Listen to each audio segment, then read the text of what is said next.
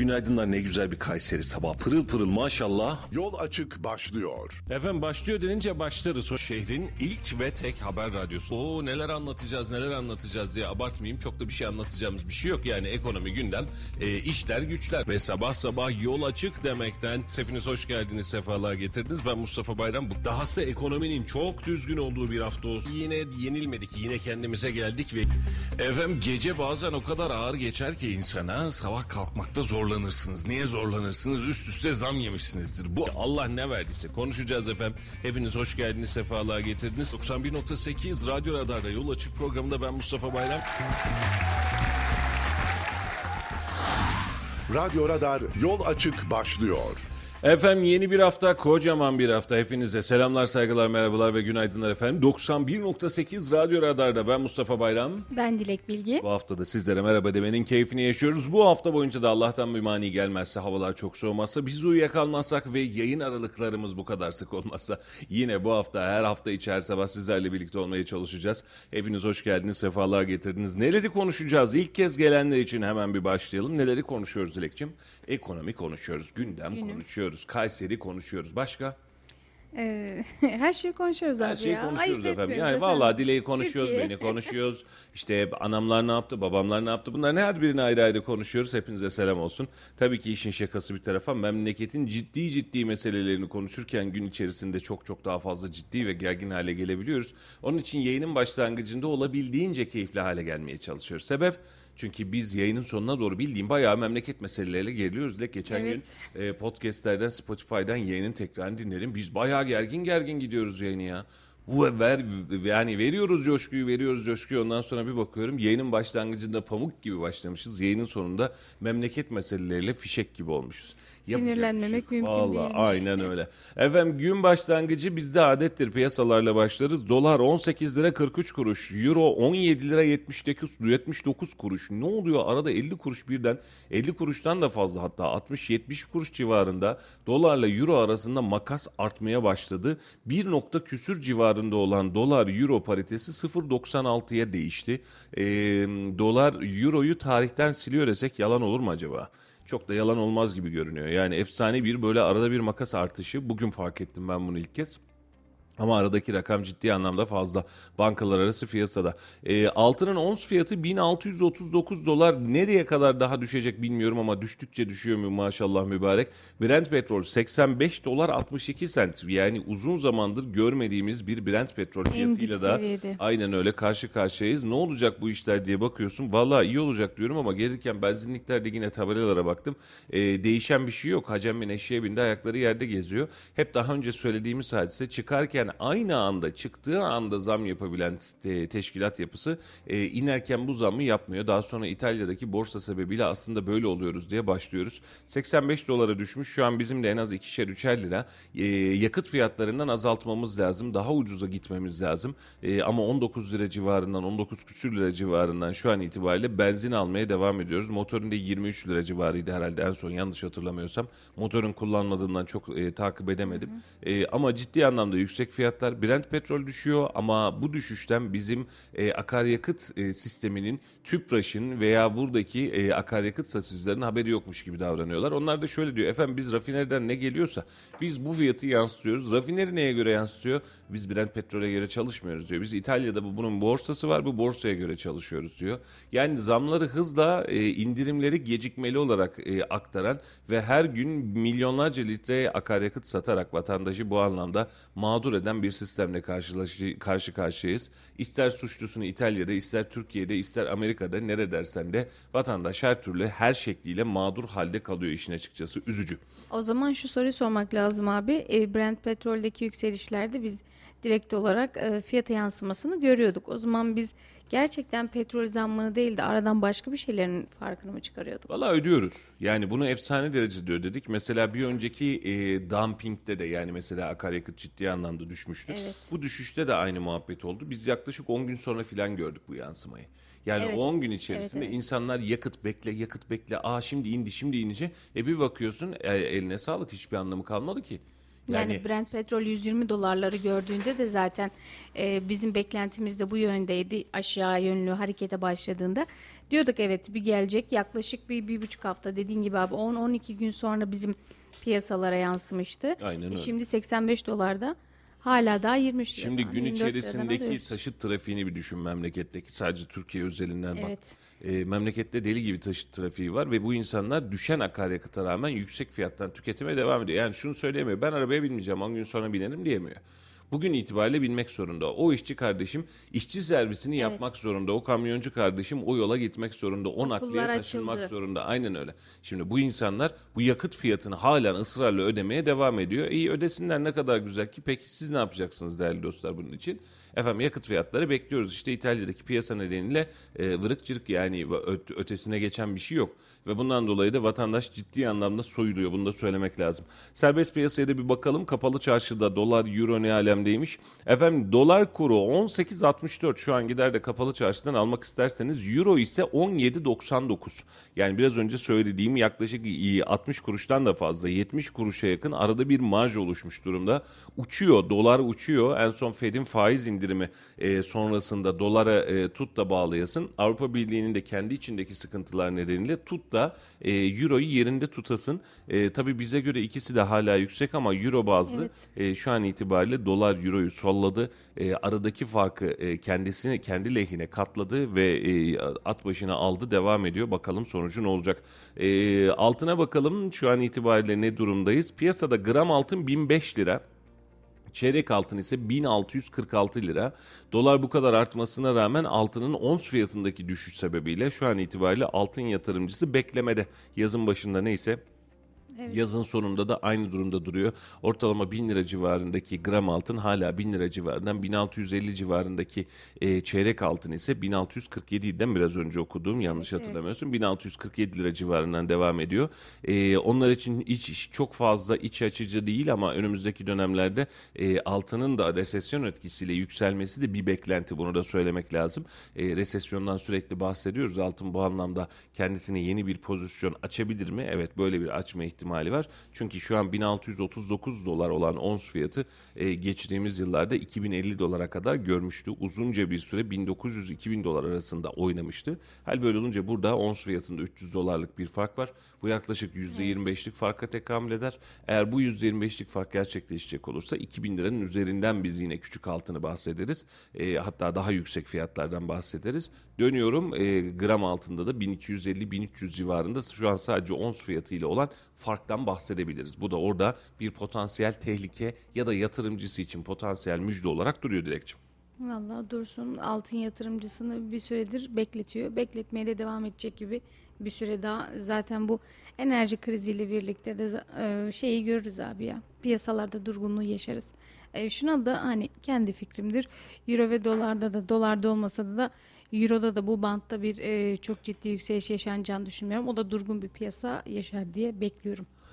Bekleyeceğiz göreceğiz. Efendim dün akşam beni etkileyen bir iş vardı. Normalde çok konuşmayız ama konuşmak istiyorum. Ee, Türkiye milli takımı Faroe Adaları diye bir takımla oynuyoruz. Yani bir yerde bir ada var. Adanın üzerine eskaza bir e, baklava için oynayan bir takım kurulacakmış. Bunu milli takım haline getirmişler. Biz de Uluslar Ligi'nde e, biz bu adanın takımıyla milli takımıyla oynamaya çalışıyoruz. Sonuç ne oldu diye bakacak olursanız e, efendim iki tane yedik.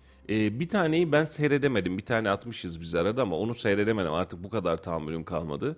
Rezil durumda bir e, milli takım. Geçtiğimiz günlerde de yine böyle basit bir takıma e, neydi o da e, Hiç bir şey. Bir bak. E, geçen gün yine bir e, böyle bir sancılı çok basit diyebileceğimiz bir takımla baş başa e, mücadele verdik. Onda da beraberliği zor zor görmüş olduk. E, Lüksemburg, Lüksemburg evet. Evet, yani Lüksemburg. Lüksemburg yani Kayseri'den daha küçük bir e, e, ülkenin e, milli takımıyla Lüksemburg normalde böyle gruplarda filan favoridir yani o atarsın filan diye düşünürsün. E, ve biz bunun karşısında da e, beraberliği zar zor aldık. E, Yani ilginç bir durumdu. Türkiye adına üzücüydü, milli takım adına üzücüydü. Gerçekten tam bir utanç vesikasıydı. Ee, Valla mümkünse milli takım ve federasyon bu anlamda Türkiye Futbol Federasyonu bu anlamda bir çare bulsun. Gerçekten rezilliğimiz diz boyu yeter. Yani e, biz bir milli takım seyrediyoruz. Hani şunu söylüyor konusta işte yani gerçeklere bakmak lazım. Hemen istifa dememek lazım. Neyin gerçeğine bakacağız? Yani kadronda kim yok ki Cengiz Ünderleri mi istersin, Altay'ı mı istersin? Örnek olarak veriyorum. Yani kimi istersen iste var zaten. Türk milli takımı kardeşim bu gençleştirmeye de çalışıyor olabilirsin anlarım ama ortada oyun yoktu. Ee, biz buna alışkın değiliz. Biz çatır çatır oynarız. Yeniliyorsak da çatır çatır oynayarak yeniliriz. Bu Türk futbolcusu sey- seyircisi bundan keyif alır. Ama oynamadan, oynayamadan yenilmenin de bizim için çok bir anlamı kalmamış oluyor. Ee, bu anlamda da en azından eleştirimizi başlangıçta bir belirtmiş olalım. Bunu da aradan geçmiş olalım.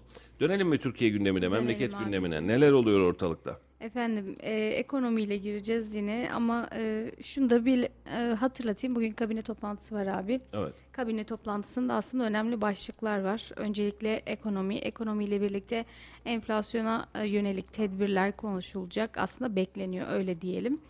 E, enflasyonla mücadele, e, fahiş fiyat artışları ile ilgili tedbirler de konuşulması bekleniyor. E, 90 bin taşerona kadro çalışması e, yani kadro verilmesi kararı var efendim. E, yani bugün onaylanır mı bilmiyoruz ama e, ciddi anlamda onaylanacak diye de bekleniyor. E, terörle mücadele Ankara, Atina gerilimi ve Erdoğan sonrasında millete sesleniş konuşması yapacak. Ulus'a seslenişimiz var. Önceki dönemde Bakanlar Kurulu sonrasındaki açıklamalar bizi bu kadar enterese etmezdi.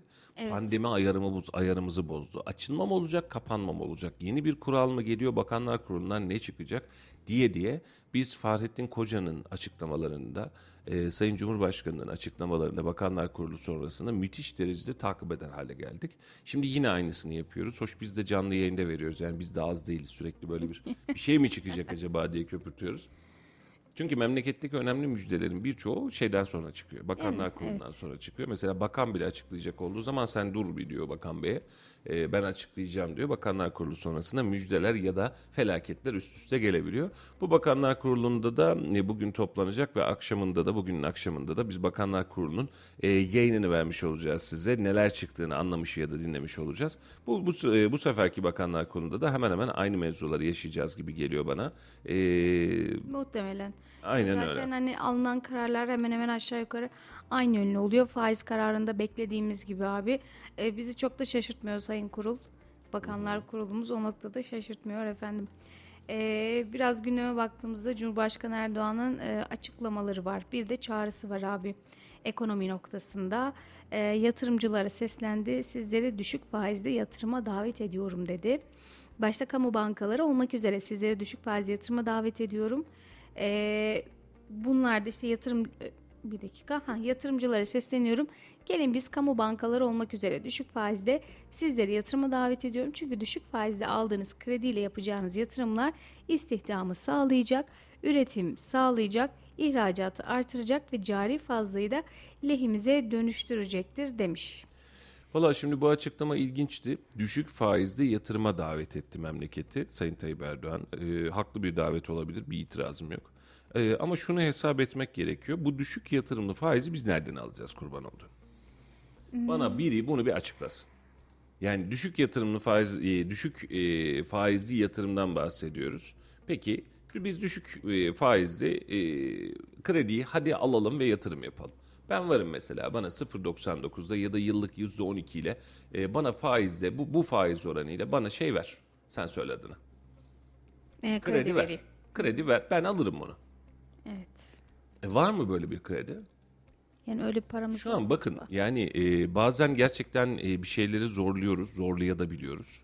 E, vatandaşa bankalar üzerinden kredi vermemek için son dönemde elimizden gelen her şeyi yapıyoruz. Yaptık. Doğru? Evet yaptık. Şu an ev almak için herhangi bir vatandaşımız bankaya gitse dese ki ben 1 milyon liralık ev alacağım. Bankanın verebileceği kredi miktarı 100-150 bin lirayı geçmiyor. Vatandaş bankaya ulaşamıyor. Bankadan kredi alamıyor. Sanayici bu anlamda ciddi anlamda sa- sancı yaşıyor çünkü o da e, hala kredi alamıyor. Yani teminatı Zaten- fazla isteniyor, faizi yüksek veriliyor. Hiçbir şekilde bu krediye ulaşamıyor. Şimdi Tayyip Bey diyor ki çok güzel bir açıklama. Diyor ki gelin buyurun düşük faizle yatırım yapın. Düşük faizden kastettiğiniz %12 ise bu Avrupa standartlarının üzerinde bir faiz. Bu kısmı geçtik. Hani dış yatırımcıya sesleniyoruz ya. Bu Avrupa standartlarının üzerinde. Ama dönüyorum Türkiye şartlarında. Ben bu düşük faizli krediyi reis göremedim ben ya. Göremedim. Yani şu an Bankalar vatan- vermemek için direndi. Canım. Yani sen mesela konut kredisi için faiz açıkladın. 0.99'da devlet bankalara verecek ilk evim kredisi diye verecek dedin. Evet. Hemen hemen hiç kimse bu krediyi alamadı, krediye vakıf olamadı. Yetmedi. Bu krediyi açıklamamız nedeniyle evlerin fiyatları üzerinde %20, %30 civarında otomatik zam geldi. Doğru mu? Evet geldi. Peki bu krediyi kullanabilen var mı? Nadir. Gerçekten çok nadir. az. Aynen öyle. Parası olan kullandı. Şu an bak şu şu dakika itibariyle 1 milyon 1,5 milyonluk bir evini hadi gidelim 500 bin lirasını biz toparlayalım 1 milyon lirasına da 0.99'dan 10 yıl vadeyle 20 yıl vadeyle kredi kullanalım. Veren baba yiğit var mı? Yok. Ama aslına bakarsan hep veriyormuş gibi davranıyoruz. Yani bu beni birazcık yoruyor ve geriyor işin açıkçası söylemek gerekirse Dilek. Ee, bu anlamda birazcık böyle çok şey değilim. Ee, rahat değilim işin açıkçası. Ee, şimdi bu konuşmasında abi e, sadece şey yani bunu söylerken Putin'i de örnek veriyor. Diyor ki Sayın Putin bizzat geçmişte yüksek faizi savunurken o da faizi düşürmeye başladı ve 8,6'ya kadar indirdi. Evet. Ama Rus ekonomisine bir dönün bakın diyor. Yani biz indiriyoruz faizleri. Biz doğru bir yoldayız. Ee, zaten bu adımla birlikte bu da yeni bir ekonomi buna, buna politikasıymış. buna bir şey demiyorum. Şimdi e, şunun için bir şey demiyorum. Ben bunun doğru olmadığı kanaatindeyim ve bir yıldır yaklaşık olarak aynısını söylüyorum Dilek. Ama sen politik olarak dersin ki ben bunun doğru olduğunu düşünüyorum ve ben bunun sonuçlarına razıyım. Bunun doğru olup olmadığını 6 aydan, 1 yıldan, 3 aydan, 5 aydan hissettirirsin. Ben geçtiğimiz bir yıl içerisinde bunun doğru olmadığına dair emareleri fazlasıyla gördüğümüzü düşünüyorum. Mesela Yani. 8 liralık doları 18,5 liraya getirmek gibi. E, normalde %20, %25, %30 bandında maksimum olan enflasyonu şu an itibariyle %80, resmiyette %80 ama gayri resmiyette En hakta %200'e e, ulaştırdığımız gibi. Yani şimdi bunların tamamına bakmış olduğum zaman ben bu politikanın tutmadığı kanaatindeyim. Piyasada bu kanaatte çünkü hissettiğimiz şey bu. Yani faiz sebep enflasyon sonuç dedik. Biz faizin sebep olduğu enflasyonu göremedik. Biz enflasyonu faizi düşürdükçe enflasyonu daha fazla arttırmaya başladık. Biz toplamda e, aklı başında bir politika üretemedik burada son bir yılın içerisinde. Şimdi e, Rusya'ya örnek gösterebilirsiniz, Çin'e örnek gösterebilirsiniz son dönemde bir kez faiz indirme yaptı diye. E, ama şimdi e, adamın normaldeki faizi zaten seninki gibi değildi ki. Hani sen başka Doğru. bir yerden yarı yarıya düşürdün. Adam belli bir miktarda geriye çekti, belli bir miktarda ileriye çekti. Şimdi buradan örnek verirsek yola çıkar mıyız? Tamam, e, tabanını konsolide edersin. Yani tabandaki insanlar e, şu an itibariyle şöyle yapıyor. E, bakın diyor bazı ekonomistler de diyor şimdi bin tane ekonomist tersi açıklama yapıyor Dilekçim. Aradan bir iki tane ekonomist yerli yabancı fark etmiyor. Diyor ki bizim faizi düşürmemiz lazım. Çünkü reel piyasayı canlandırmamız lazım diye açıklama yapıyor. Bu da onların fikri. Şimdi bin tane e, karşıyız ne yapıyorsunuz siz arkadaş diyeni boş veriyoruz gözümüzü kapatıyoruz. İki tane e, çadır görevlisine eyvallah diyoruz. Ve bunun karşılığında yani abartısını söyleyemedim kusuruma bakmayın. Bunun karşılığında taban hala şu an şunun derdinde evet enflasyon düşecek. E düşmedi kurban olduğum. Yani şu an en basitinden bak geçtiğimiz ay 17,5 lira civarında biz dolar kurundan bahsederken bu ay itibariyle 18,5-18,60 civarından dolar kurundan bahsediyoruz. Doğru mu? Burada zaten %3 %5'lik farkın var. Bu senin piyasadaki alacağın rakamlara ve marjlara da yansıyacak. Nasıl çıkacaksın bu işin içerisinden? Yani ki e, biz sezon arası vermeden önce seninle abi e, Temmuz sonlarında 17'ye yeni yeni giriş yapıyorduk. Evet. Daha girmemiştik. 16 küsürlerdeydik ki geçtik 2 ayda 18.5'a vardık. E, sanırım bakanımızın e, açıklaması da doğru yıl sonunda 19.5'u göreceğiz dedi. Önümüzdeki 2 ayı 3 ayı da baz alırsak evet. Valla 19, 19,5'ü 19 görürüz. ben işin açıkçasını söylemek gerekirse şu politikalarla 19,5'un da üzerine bekliyorum. Direkt hala müdahale edilen piyasada e, canlı canlı özel sektör tarafından müdahale ettiren ve ettirilen bir piyasa var. E peki bu fiyatlar artarken sen enflasyonu nasıl düğümlüyorsun? Yani düşünsene senin sadece dolardan yediğin e, şöyle düşün 17,5-20 bu aralıktaki marjdan gidiyorsun. E, ne yapar? Toplamda e, normalde yüzde 12,5 civarında sadece 17,5 ile 20 arasında %12,5 yemiş oluyorsun. Evet. Aradaki fark. Şimdi aldığın ürünlerin, aldığın ürünlerin ham maddelerinin, akaryakıtın, e, gazın dahil olmak üzere dolar üzerinden hesap ettiğin zaman sen bu %12,5'u piyasada enflasyon olarak görecek misin? Mecburen göreceksin. Mecburen. E peki nasıl enflasyonu kontrol altına aldık? O zaman bizim şunu yapmamız lazım. Mesela dışarıdan hiç ürün almıyor olsan, kapalı bir ekonomi modeli olsan, Evet. e, dolarla hiç işin olmasa dolar isterse 50 lira olsun. Ya benim aldığım ekmeğin dolarla ne alakası var kardeşim diyorsun. Buğdayı yurt dışında dolarla sattığın için içeride de dolarla. Senin buğdayın yetmedi. Rusya'dan, Ukrayna'dan buğday tahıl koridoru açmaya çalıştın. Bu da dolarla. E, e, ekmeği yapmak için kullanmış olduğun doğalgaz dolarla, elektrik dolarla e, geçiyorsun. Odun, kömür, ya o kömür bile dolarla. Bir, işte bir, bugün haberini yaptık. Bugün onu da geçeriz. Yüzde yüz artmış fiyatlar var. evet. Geçiyorsun ekmeği içine koyduğun poşet petrokimya malzemesi yani bir tür petrol malzemesi. Bunun da rezervi dolarla. E ne kaldı dolarla olmayan?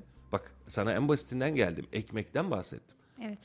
Yani bunların her birinin ucunda dolara bağlıysan sen enflasyonu zapt ettim diye düşündüğünde aslında hiçbir şeyi zapt etmediğini fark ediyorsun. Eğer bunu fark edebilecek güçte ve kudretli olursan. E, edemedik. Ve şu an itibariyle de bu politikalarla ne diyoruz? Bakın dünyada bunu yapıyor. Valla dünyanın hiçbir ülkesi bunu yapmadı. Açık söyleyeyim.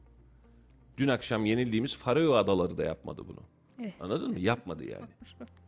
Şimdi ortodoks politikalara karşıyız diyor. Ortodoksu sanki bir mezhep gibi görüyor burada vatandaş. Ortodoks politika kitabın yazdığı demek. Yani kitapta yazılan ekonomi modeline biz karşıyız. Neye karşısın? Kitapta yazan ekonomi modeline. Peki çünkü ekonominin kitabını yazdım.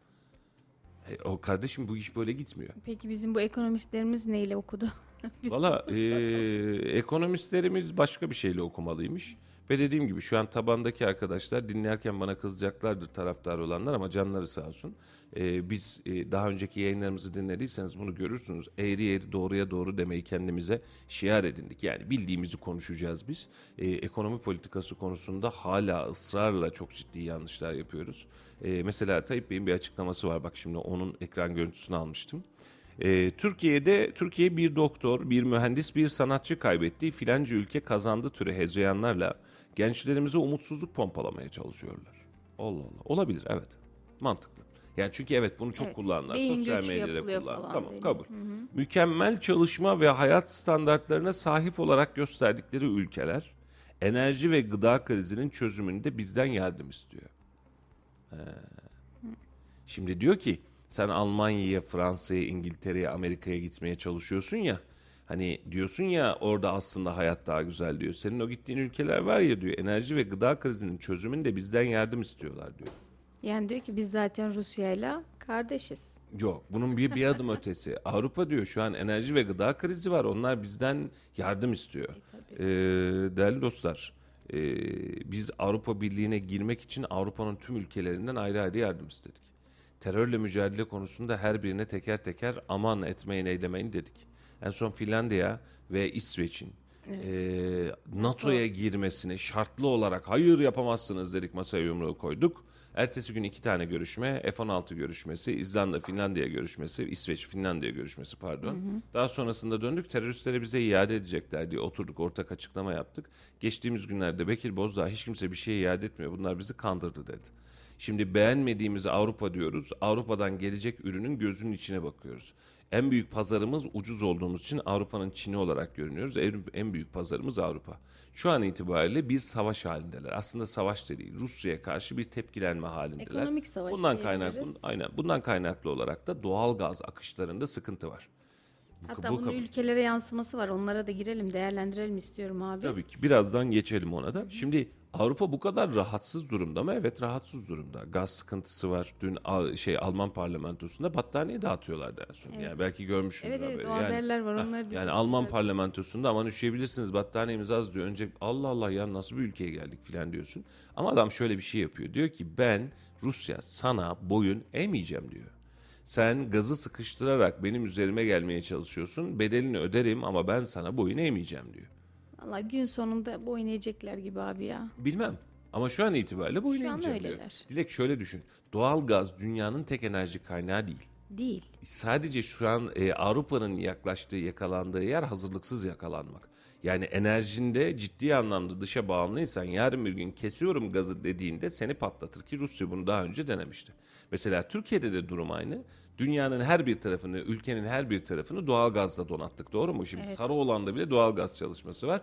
Yarın bir gün ilçen köyün bile doğal gaza kavuşuyor. Yarın bir gün Rusya sana da kafa tutsa dese ki kesiyorum da gazı dese ne yapacaksın?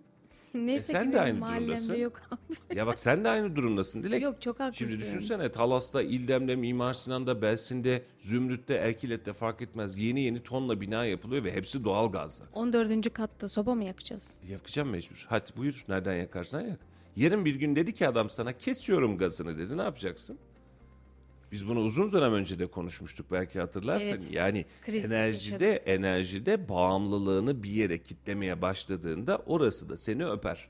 En basit anlamda abi bu geçirdiğimiz yazda e, bir e, boru krizi yaşamıştık. Doğalgaz e, hattında sorun yaşamıştık. Evet. Sanayiciler iş yapamamıştı bir hafta. Rusya'da değil, İran'dan gelen İran'dan gelen yaşadık işte. hatta. Şimdi biz yaşadık zaten hani en basit evet yazdı. Bir hafta Is- tatil ettik organizeyi. Ya bütün hani bütün şehirlerde biz bunu yaşadık. Etkisini aslında sanayici derinden gördü. Bu, bu noktada bir tedbir var mı? Yok yani şu an kimse şunu düşünmedi. Evet biz ileride böyle bir şey yaşayabiliriz. Ülke olarak da yaşayabiliriz. Ülkeler arası krize çok müsaitiz zaten. Ee, takındığımız ve tutunduğumuz politikalar sebebiyle, söylemlerimiz sebebiyle her ülke nezdinde söylüyorum bunu. Yani yaşayabileceğimiz ihtimallerin yerini hala doldurmadık. Avrupa'da bunun şu an bir örneği. Battaniyeyle parlamentoda oturuyorsun. Evet. Bugün dik başlı oturursun ama bu kışı sert geçireceksin. Bunun da farkında bir yerden sonra illaki taviz verecek ama bir sonraki yıla sarkıtmadan önlemini de almaya başladı zaten Avrupa. Ee, işte bizim sıkıntımız da şu. Ee, ele ver, neydi o? Ele verir salkımı kendi şey ele verir talkanı kendi yutar salkımı. Salkımı. Şimdi biz diyoruz ki bak ey Avrupa senin halin bu diyoruz. Doğru mu? Doğru. Peki biz ne yapıyoruz? Yarın bir gün bırakın Rusya'yı bize e, İran gazını kesse aynen güzel hatırlattın Dilekçim. Biz bir hafta organizede OSB'de üretime ara vermek zorunda kaldık. Olmuyor gitmedi. Enerji krizi var dedik durdurmamız lazım dedik. Yarın bir gün Rusya ile biz karşı karşıya gelsek gelme ihtimalimiz var. Geldik biz adamların e, uçağını düşürdük yani vakti Biz zamanında. biraz karşısında da durduk ya şu yakın zamanda da öyle her politikasını desteklemiyoruz onların. Aynen öyle. Şimdi e, bu bu mevzuya bakıyorsun işin içerisinde. Hayda yarın bir gün kesti bizi ne yapacağız? Kesebilir. Ki Putin'in şöyle bir açıklaması vardı. Tahıl e, krizinde evet aracı olduk. Birleşmiş Milletler Genel Kurulu'nda da bu noktada çok teşekkür edildi Türkiye'ye Erdoğan'a. Evet. Her şey iyi güzel ama Putin'in bir açıklaması var ki şöyle diyor. Biz kandırıldık. Fakir ülkelere gitmekten ziyade zengin ülkelere gitti tahıllar ve yine onlardan ihraç ediliyor. Yani biz bir e, şey olduk, kandırıldık. Buradan sonra da mesela politikasını da değiştirebilir yine Putin. Yani biz kandırılıyoruz evet tamam bir savaş halindeyiz. Türkiye e, bize ne derler aracı oldu. Türkiye sebebiyle biz dağıttık tahılımızı işte Ukrayna limanlarından çıkart, çıkarılmasına izin verdik. Çünkü bir de şöyle bir durum var. Rusya'nın gübreleri Avrupa limanlarında kalan gübreleri de dağıtma e, Putin'in açıklaması aynen şöyle. E, orada duracaksa benim e, gübrelerim limanda duracaksa fakir ülkelere dağıtılsın. Ülkenize sokmuyorsanız dağıtın. Bu noktada da mesela ciddiye alınmadı Putin. Putin'in böyle biraz damarıyla oynuyorlar. Gün sonunda Putin iyice keserse hakikaten bizi de karşısına alırsa şaşırmam. Şimdi bak e, yapılan her politikanın dilek e, çift taraflı karşılığı var. Putin sana doğal gaz, seni doğal gazla tehdit ederken Putin dünyaya şunu öğretiyor. Anlık olarak krize sokuyor. Anlık kriz. Evet. Ama yarın bir gün Avrupa ya da Türkiye ya da başka ülkeler ekonomik güçleri nispetiyle yani kendi güçlerine orantılı olarak bu enerji krizinin içerisinden çıkarlar. 3-5 yıl sürebilir bu ama enerji krizinin içinden çıkıp senin doğal gazına mahkum olmamaya başladıkları gün itibariyle bu restin iş yapmaz. Gücünü kaybeder. Doğru mu? Tabii. Şimdi e, bir karşılığı var. Putin yakın zaman için, kısa zaman için yapabileceği en büyük resti masaya koydu ve size gaz yok dedi. Nokta bitti. Yani gayet net. Şimdi Tayyip Bey öyle diyor ya hani Avrupa Birliği bizden yardım istiyor. Valla Avrupa Birliği şöyle yardım istiyor. Ya arayı bulursan bul diyor. Ama arayı bul derken de ben savaşa karşı Ukrayna'nın yanında olmaktan vazgeçeceğim. Putin'i destekliyorum. Putin'in meşruiyetini kabul ediyorum demiyor ki. Demiyor.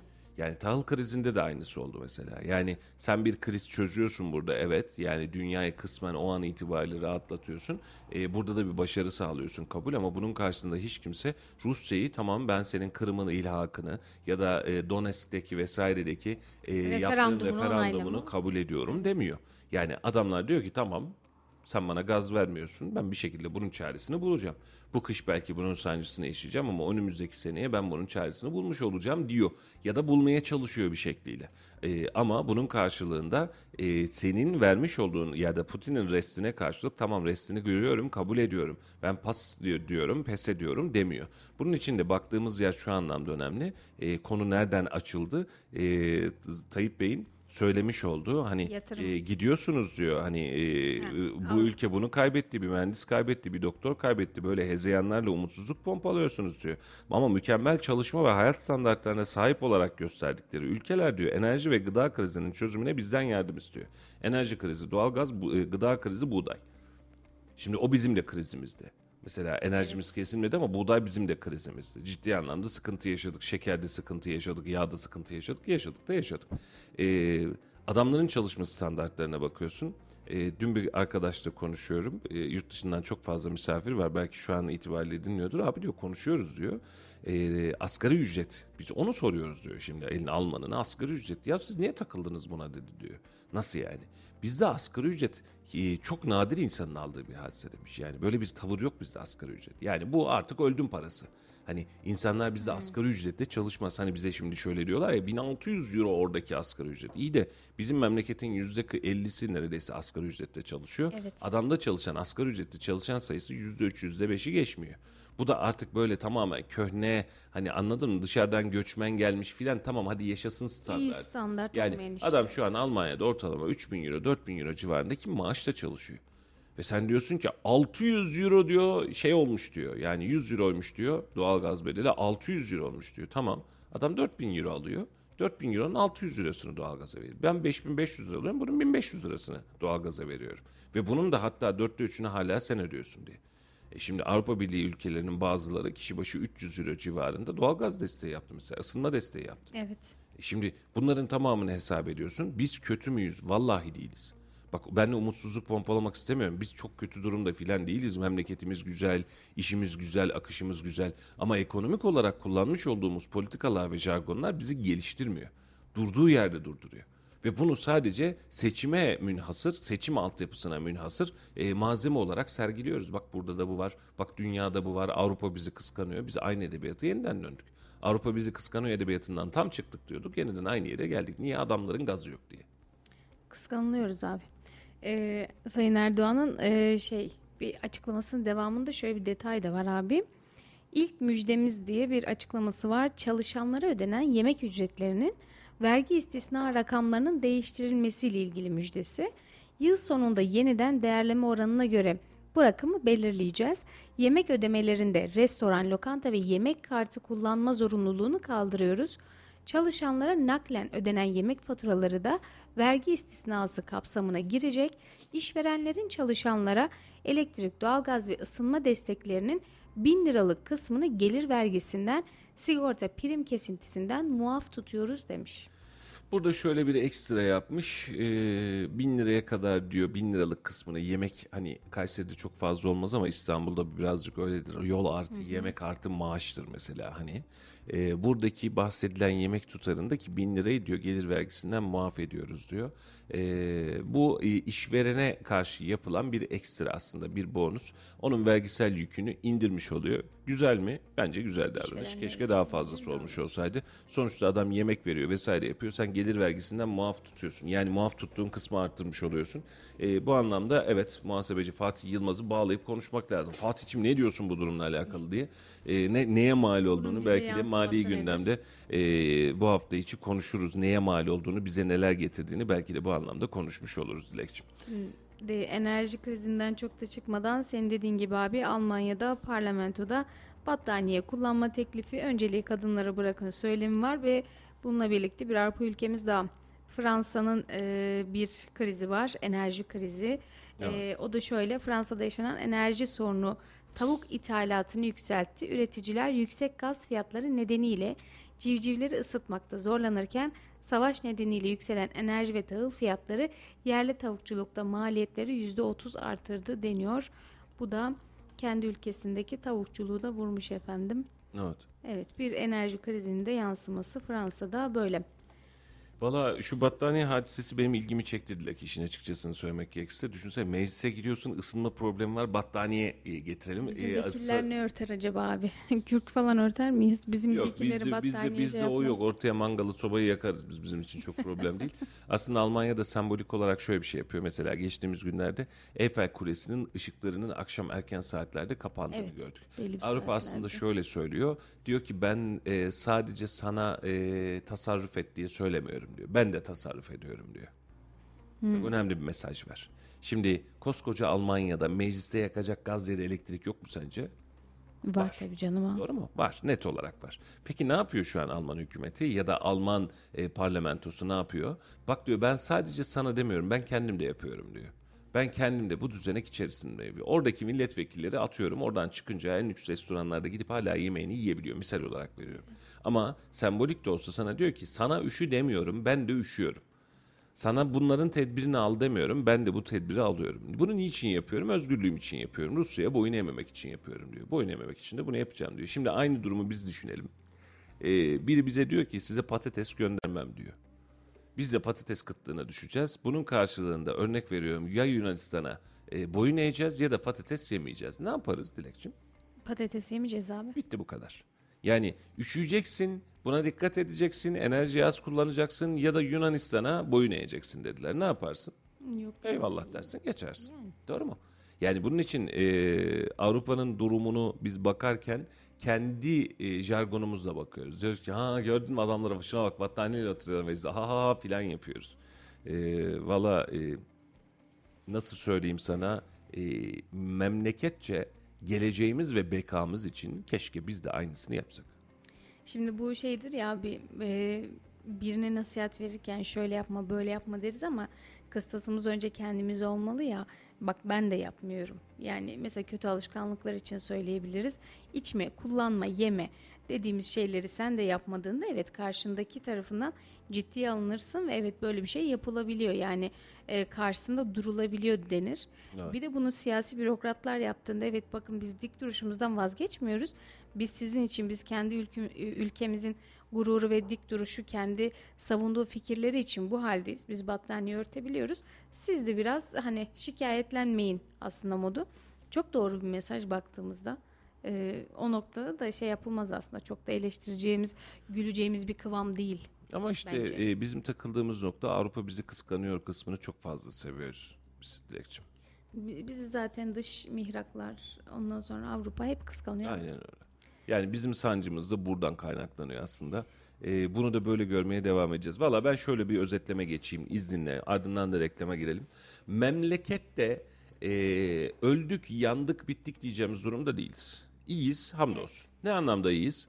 Biz bu enflasyonları ve bu krizleri daha önce de gördük ve biz buna alışkınız. Peki böyle olmak zorunda mıydı? Bence değildi.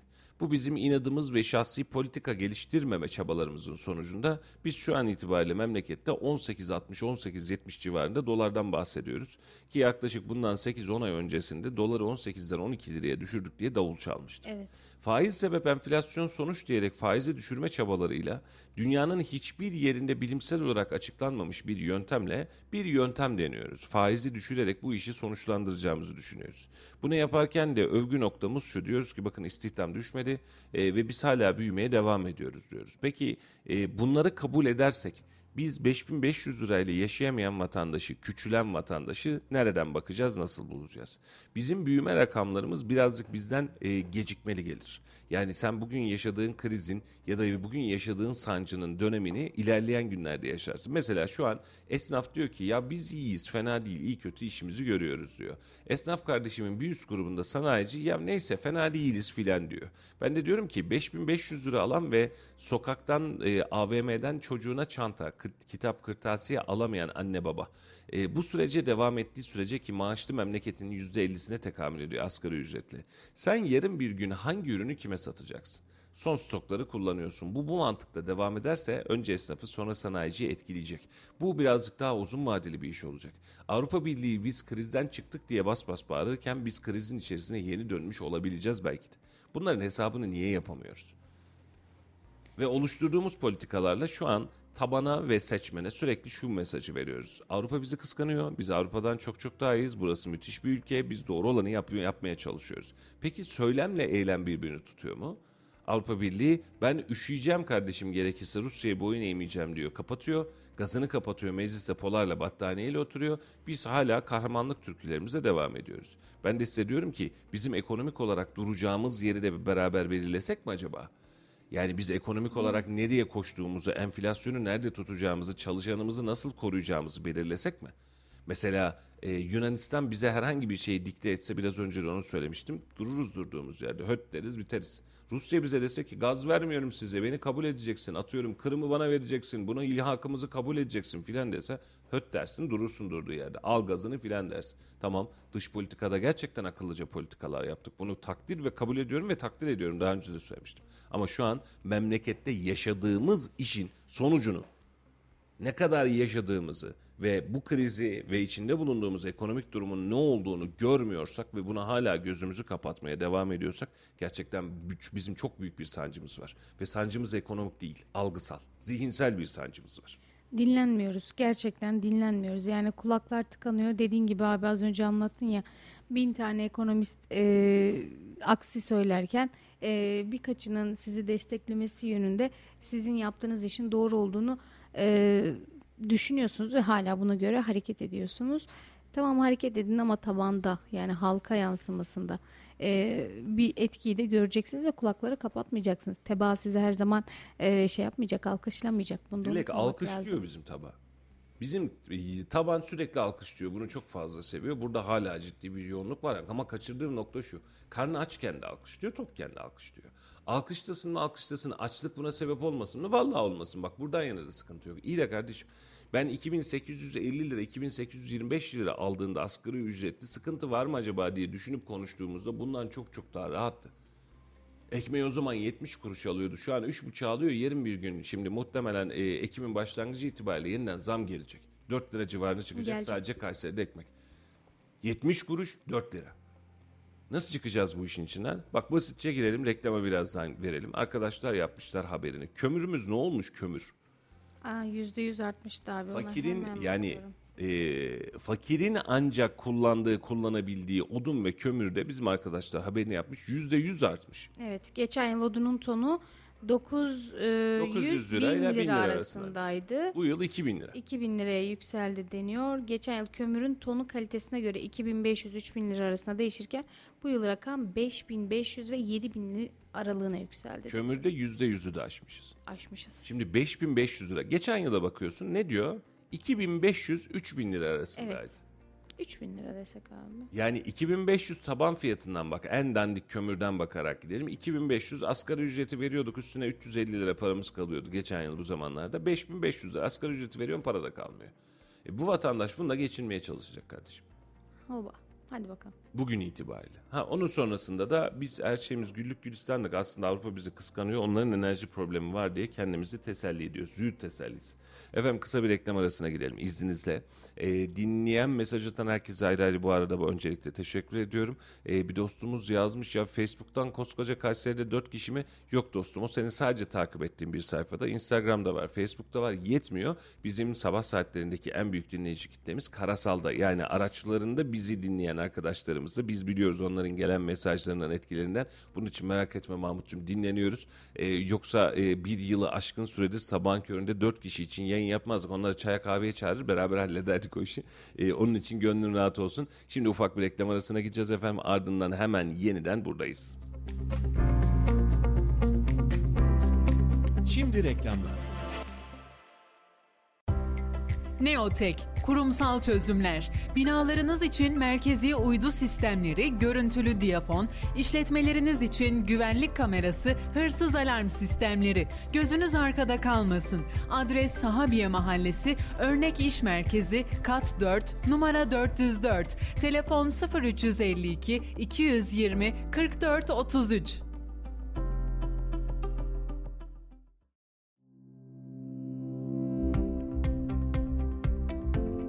SMT Otomotiv 7 gün 24 saat kaza müdahale ekibi ve çekici hizmetiyle her zaman yanınızdayız. Tüm kaporta işlemleri, boya, mekanik, plastik tampon tamiri, şase düzeltme, pasta cila, far parlatma, boya koruma ve daha fazlası SMT Otomotiv'de. Kasko ve sigorta anlaşmalı servisimizle hasar takip ve tespit hizmetleri hızlı ve güvenilir bir şekilde hizmetinizdedir. Adres Yeni Sanayi Şeker Kısmı 15. Sokak No 8 Kayseri. Telefon 0532 250 46 35.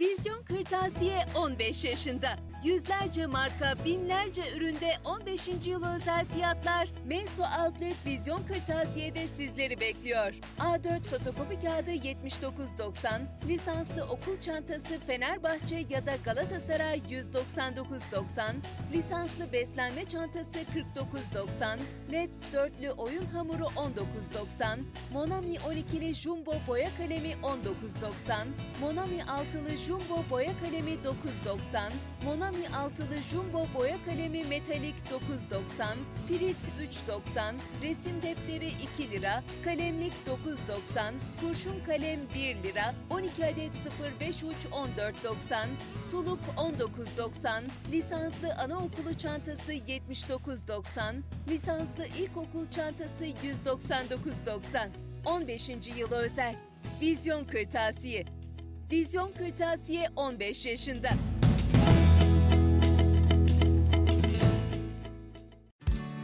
A sınıfı binalar için A sınıfı pencereler ürettik. 7 odacıklı, 3 camlı, 3 contalı Özerpan pencereleri. Isı cam love ve ısı cam solar loveyi bütünleştirdik. İstediğiniz mükemmel ısı yalıtımını gerçekleştirdik. Siz de evinizde huzuru korumak, konforun keyfini sürmek için Özerpan showroomlarına uğrayın. Unutmayın ki doğru yapılan ısı yalıtımı 4 mevsim konfor ve tasarruf demektir. Ayrıntılı bilgi için telefon 444 62 30 web www.özerpan.com.tr. Blender'ım Stillers, çay makinem Stillers, cezvem Stillers, tost makinem Stillers. Stillers, Stillers. Artık mutlu herkes. Koca Sinan Belediyesi'nde fırsatlar devam ediyor. Şeker ve Yakut Mahallesi'nde konut arsası ile Ertuğrul Gazi Mahallesi'nde 17 adet villa alanlarının ihaleleri 27 Eylül Salı saat 14'te Koca Sinan Belediyesi'nde gerçekleştirilecektir. Ayrıntılı bilgi Koca Sinan Belediyesi Emlak Müdürlüğü. Telefon 222 70 0. Profilo Kunstmol AVM'de Kayseri'nin değil Türkiye'nin en iyi fiyat garantisi. Fakir beşli küçük ev aletleri, Temper çaycı, Valeri tost makinesi, kahve kahve makinesi, Mr. Chef Quattro Blender Set, Freelander elektrik süpürgesi sadece 7999 lira. Ayrıca 1000 lira değerinde Migros alışveriş çeki hediye. Oh be, profilo varmış. Oh oh, oh oh, oh be, profilo varmış. Oh oh, oh oh, oh be, profilo varmış. Profilo Kunstmol AVM'de Kayseri'nin değil, Türkiye'nin en iyi fiyat garantisi. Fakir şarjlı dikey süpürge 5999 lira. Üstelik 1150 lira değerinde fakir Mr. Chef Quattro Blender seti ve yine 1000 lira değerinde Migros alışveriş çeki hediye. Bitmedi. Fakir Filter Pro elektrik süpürge 5999 lira. Raki kablolu dik süpürge ve tam 1000 lira değerinde Migros alışveriş çeki hediye. Bitmedi. Fakir akıllı robot süpürge 8250 lira. 1000 lira değerinde Migros alışveriş çeki hediye. Oh be, profilo varmış. Oh oh,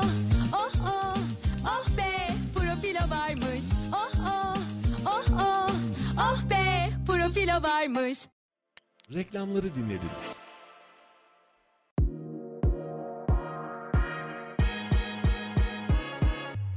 Bölgenin en çok dinlenen radyosunda kendi markanızı da duymak ve herkese duyurmak ister misiniz?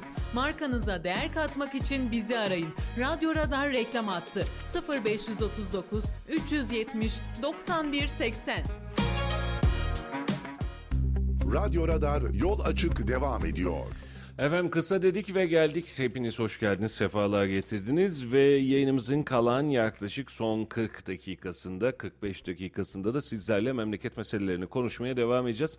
Dilekçim ulusal gündemden var mı özellikle geçeceğimiz konu kısımlar? Abi TOKİ haberimiz vardı ya TOKİ'den 200 bin kişi indirim. TOKİ'nin borcunu erken ödeyip tapusunu hemen almak isteyenler e, isteyenler için başlatılan indirim kampanyası devam ediyor efendim. 19 Ekim'e kadar da devam edecek.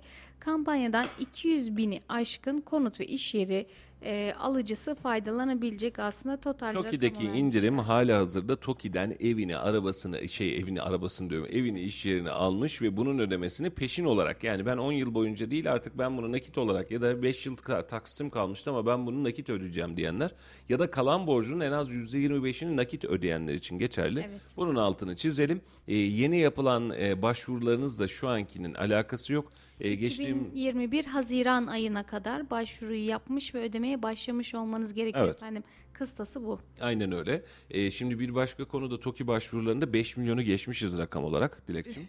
Ee, geçtiğimiz günlerde Tayyip Bey açıklamıştı bunu. 5 milyon çok ciddi bir rakam. Yani 150 bin tane e, konut vereceksiniz. 5 milyon tane başvuru var. Bunun anlamı şu. 5 milyon insanın evi yok. Bu 5 milyon insanın aynı anda 16 bin liradan e, 16 bin mi 12 miydi? 16 bin lira herhalde değil mi? Ee, 16. 16 bin liradan daha az geliri var. Ee, Evet, evet, evleri 16. yok. Eve ihtiyaçları var ve ev almak için sırada bekliyorlar. 5 milyon. Bu Ben başvuranlar. daha başvurmadım abi. Mesela yani daha bu, bu, bu rakamın içinde sen de yoksun ben de yoksun. başvurmayan Aynen çok öyle. fazla insan yani var. şimdi bu kadar insan, bu kadar başvuru ve bu kadar talep varken e, ortadaki gerçek mi, güzellik mi ya da e, ortadaki yanlışı mı görmek lazım? Buna da bir kez daha bakmak lazım. E, başta da söylemiştim. TOKİ projesi güzel bir proje. Birçok insana umut olacak, cesaret verecek. Onların birikim yapmasına sebep olacak bir proje. Bunun için yapanından, edenden Allah razı olsun. Seçim yatırımı deniyormuş. Denecek tabii ki. Seçim yatırımı da böyle olacak zaten. Bırakın insanlara ev versinler. Hiç problem değil. Ama şu an itibariyle görülüyor ki 150 bin değil 1,5 milyon da yapsak yetmeyecek. Yani şu anki açıklanan projenin 10 katında yapmış olsak bu işin sonucuna yetmeyecek. Vaziyet bu. Ee, Tayyip Bey de şimdi dedi ki bir an evvel başlamamız lazım dedi. Küçük bölgelerden başlayacağız. Evet. Büyük şehirlerde, Kayseri dahil gibi bölgelerde yılbaşına kadar temelini atmış olacağız dedi. Ee, bu anlamda evet bir gelişme ama şunu görüyoruz bu iş yetmiyor. Sadece TOKİ marifetiyle de yetmeyecek. Gelin bu işe bir finansman planlaması yapalım. Devlet bankalarımız bu işe yarasın. Ee, e, bir e, baz fiyat belirleyelim TOKİ mimarisi tarzında. Diyelim ki atıyorum maksimum 1 milyona kadar verebileceksin. Bunun %10'unu peşin verecek. Kalanını da 20 yıl taksitte TOKİ öder gibi ödeyecek desin. Bunu da müteahhitlerimiz de dilediği kadar yapsın. Yani bırakalım öne açık olsun anladın mı? Rakam bu, fiyat bu, kalite bu kardeşim. Sen bu anlamda istediğin kadar git. Çünkü müteahhit şu an diyor ki arsa sen arsa bedeli vermiyorsun. Milli emlaktan arsa alıyorsun ben arsa bedeli veriyorum. Birçok üründe benden daha avantajlısın. Devletin kredi finansman imkanlarını kullanıyorsun. Gel diyor bana da aç ben de üretim yapmaya devam edeyim. Hep bir elden yapalım. Bu kadar konut ihtiyacını 3 günde 5 günde ya da 150 bin taneyle açık açamayacağımız, aşamayacağımız kesin. En azından bunu kurtaralım diyor. Bence buna da bir kulak vermek lazım Dilek. Ee, mesela şey ağırlamıştık ya bir yakın zamanda Kamu Müteahhitleri Derneği Başkanı Göker Bey. Göker Bey, evet. Göker Bey mesela bunu sadece e, TOKİ e, şeylerini inşaat firmalarını değil de özel firmaları da açın daha hızlı gitsin özel firmada kazansın gibi bir e, söylemi vardı. Eğer böyle bir e, dediğin gibi bir yol izlenirse abi özel firmalarda buna dahil edilirse piyasada canlanır. Belki bu noktada özel firmalarda e, hali hazırda e, yani en azından kamu işini yapıp batmış olan firmalar bu kadar söz konusuyken e, onlara da bir can suyu olur diye düşünüyorum. En azından bunu da belirtmiş olalım. Umarız. Bir yandan da abi Feridun Bey e, vatandaş peynir alamıyor. Bir kilogram peynir alamıyor demiş. Evet. E, reklam aramızda ona baktım. E, fiyatlara baktım. Efendim 2022 Ocak ayında peynirin kilosu 45 lira 90 kuruşmuş. E, 1, kilo, 1 kilogram peynirden bahsediyorum. Şu an 3 harfli marketlerimizden birine girdim. En ucuz şu an her köşede bulacağınız bir marketten bahsediyorum. 1 kilosu efendim 157 lira. 3 kat. 3 kat. Aynen. Yani Hakikaten bu e, insan peynir de alamıyor. Ah, Şimdi e, mecbur alacaksın Dilek. Peyniri nasıl almayacaksın? Mecbur Yok. alacaksın. Alacağız zaten de. Mecbur. Yani e, şu an peynir Feridun abi doğru bir şeye temas etmiş aslında ama e, çünkü geçtiğimiz günlerde Fatih Erbakan'ın gezisindeydi zannedersem ya da başka bir yerde tam hatırlamıyorum bu haberi hatırlıyorum. E, peynir alamıyorum diye vatandaşın çağrısı vardı, çığlığı vardı. E, vatandaş o peyniri mecbur alıyor, karnını doyuracak ve en ucuz metalardan bir tanesi bizim için. Yani 150 lira, 100 lira, 90 lira e, peynirine göre değişiyor ama sen bu peyniri almazsan zaten o kahvaltıya oturamıyorsun. E, çocuğa ne vereceksin? Peynir, zeytin, ekmek, çay. Bu Zaten kadar. belirlenen Temel listeyi gıda veremiyorsun şu an okullara. O mümkün değil. Şimdi e, dün e, bir kardeşimle oturduk konuşuyoruz. Geçtiğimiz haftalarda hatta televizyonda yaptığımız ortak yayında da bunu e, bundan bahsetmiştim. E, mesela e, çocuk özel okula gidiyor yanlışlıkla. E, özel okul diyor ki kitap parası lazım bize diyor. 4800 lira Dilek. 4800 lira İngilizce kaynakları falan varmış 4800 lira. Veli diyor ki abi aldık mecburen diyor. Çünkü arkasında kodu varmış, kodu taratacaklarmış, sistemden aktif edeceklermiş filan saçma sapan bir şey var. E, aynı kitap setine dışarıdan baktım diyor 2000 lira. Şimdi bak e, burada bir vatandaş soyuluyor ayrı bir hadise ama 2000 lira ya. 2000 lira. 2000 lira. Yani bak dışarıdan sorduğun e, bunların aldığı 4800 lira. Bakın kırtasiye maliyeti. Çocuk okula başladı. Bismillah dedi. Selam aleyküm selam. En kötüsü 1000 lira. Geçti. Bak doğalgaz faturaları bugün yarın hava soğumaya başladı işte bir 10-15 gün daha rahat ederiz 15-20 günden yeniden kombi Yakmaya dönemine evet. başlayacağız. 1000 lira 1500 lira bir ev ortalamasında belki de doğalgaz faturası isteyeceğiz yakacağız. Rahat. Anladın mı? Tabii. Yani şimdi peyniri 100 lira doğalgaz 1000 lira. Anladın mı aradaki fark? Yani birini bir ay kullanıyorsun. E, peyniri bir kiloya alırsan onu da bir ay kullanmaya çalışacaksın artık. Ucundan ucundan koklatacaksın ekmeği. Vatandaşın durumu gerçekten zor ve vahim. Ama işte e, sayın bakanlarımızın da bakanımızın da dediği gibi ekmek 5 lira da olsa artık alabiliyoruz abi. Yok böyle bir dünya. Gerçekten yok.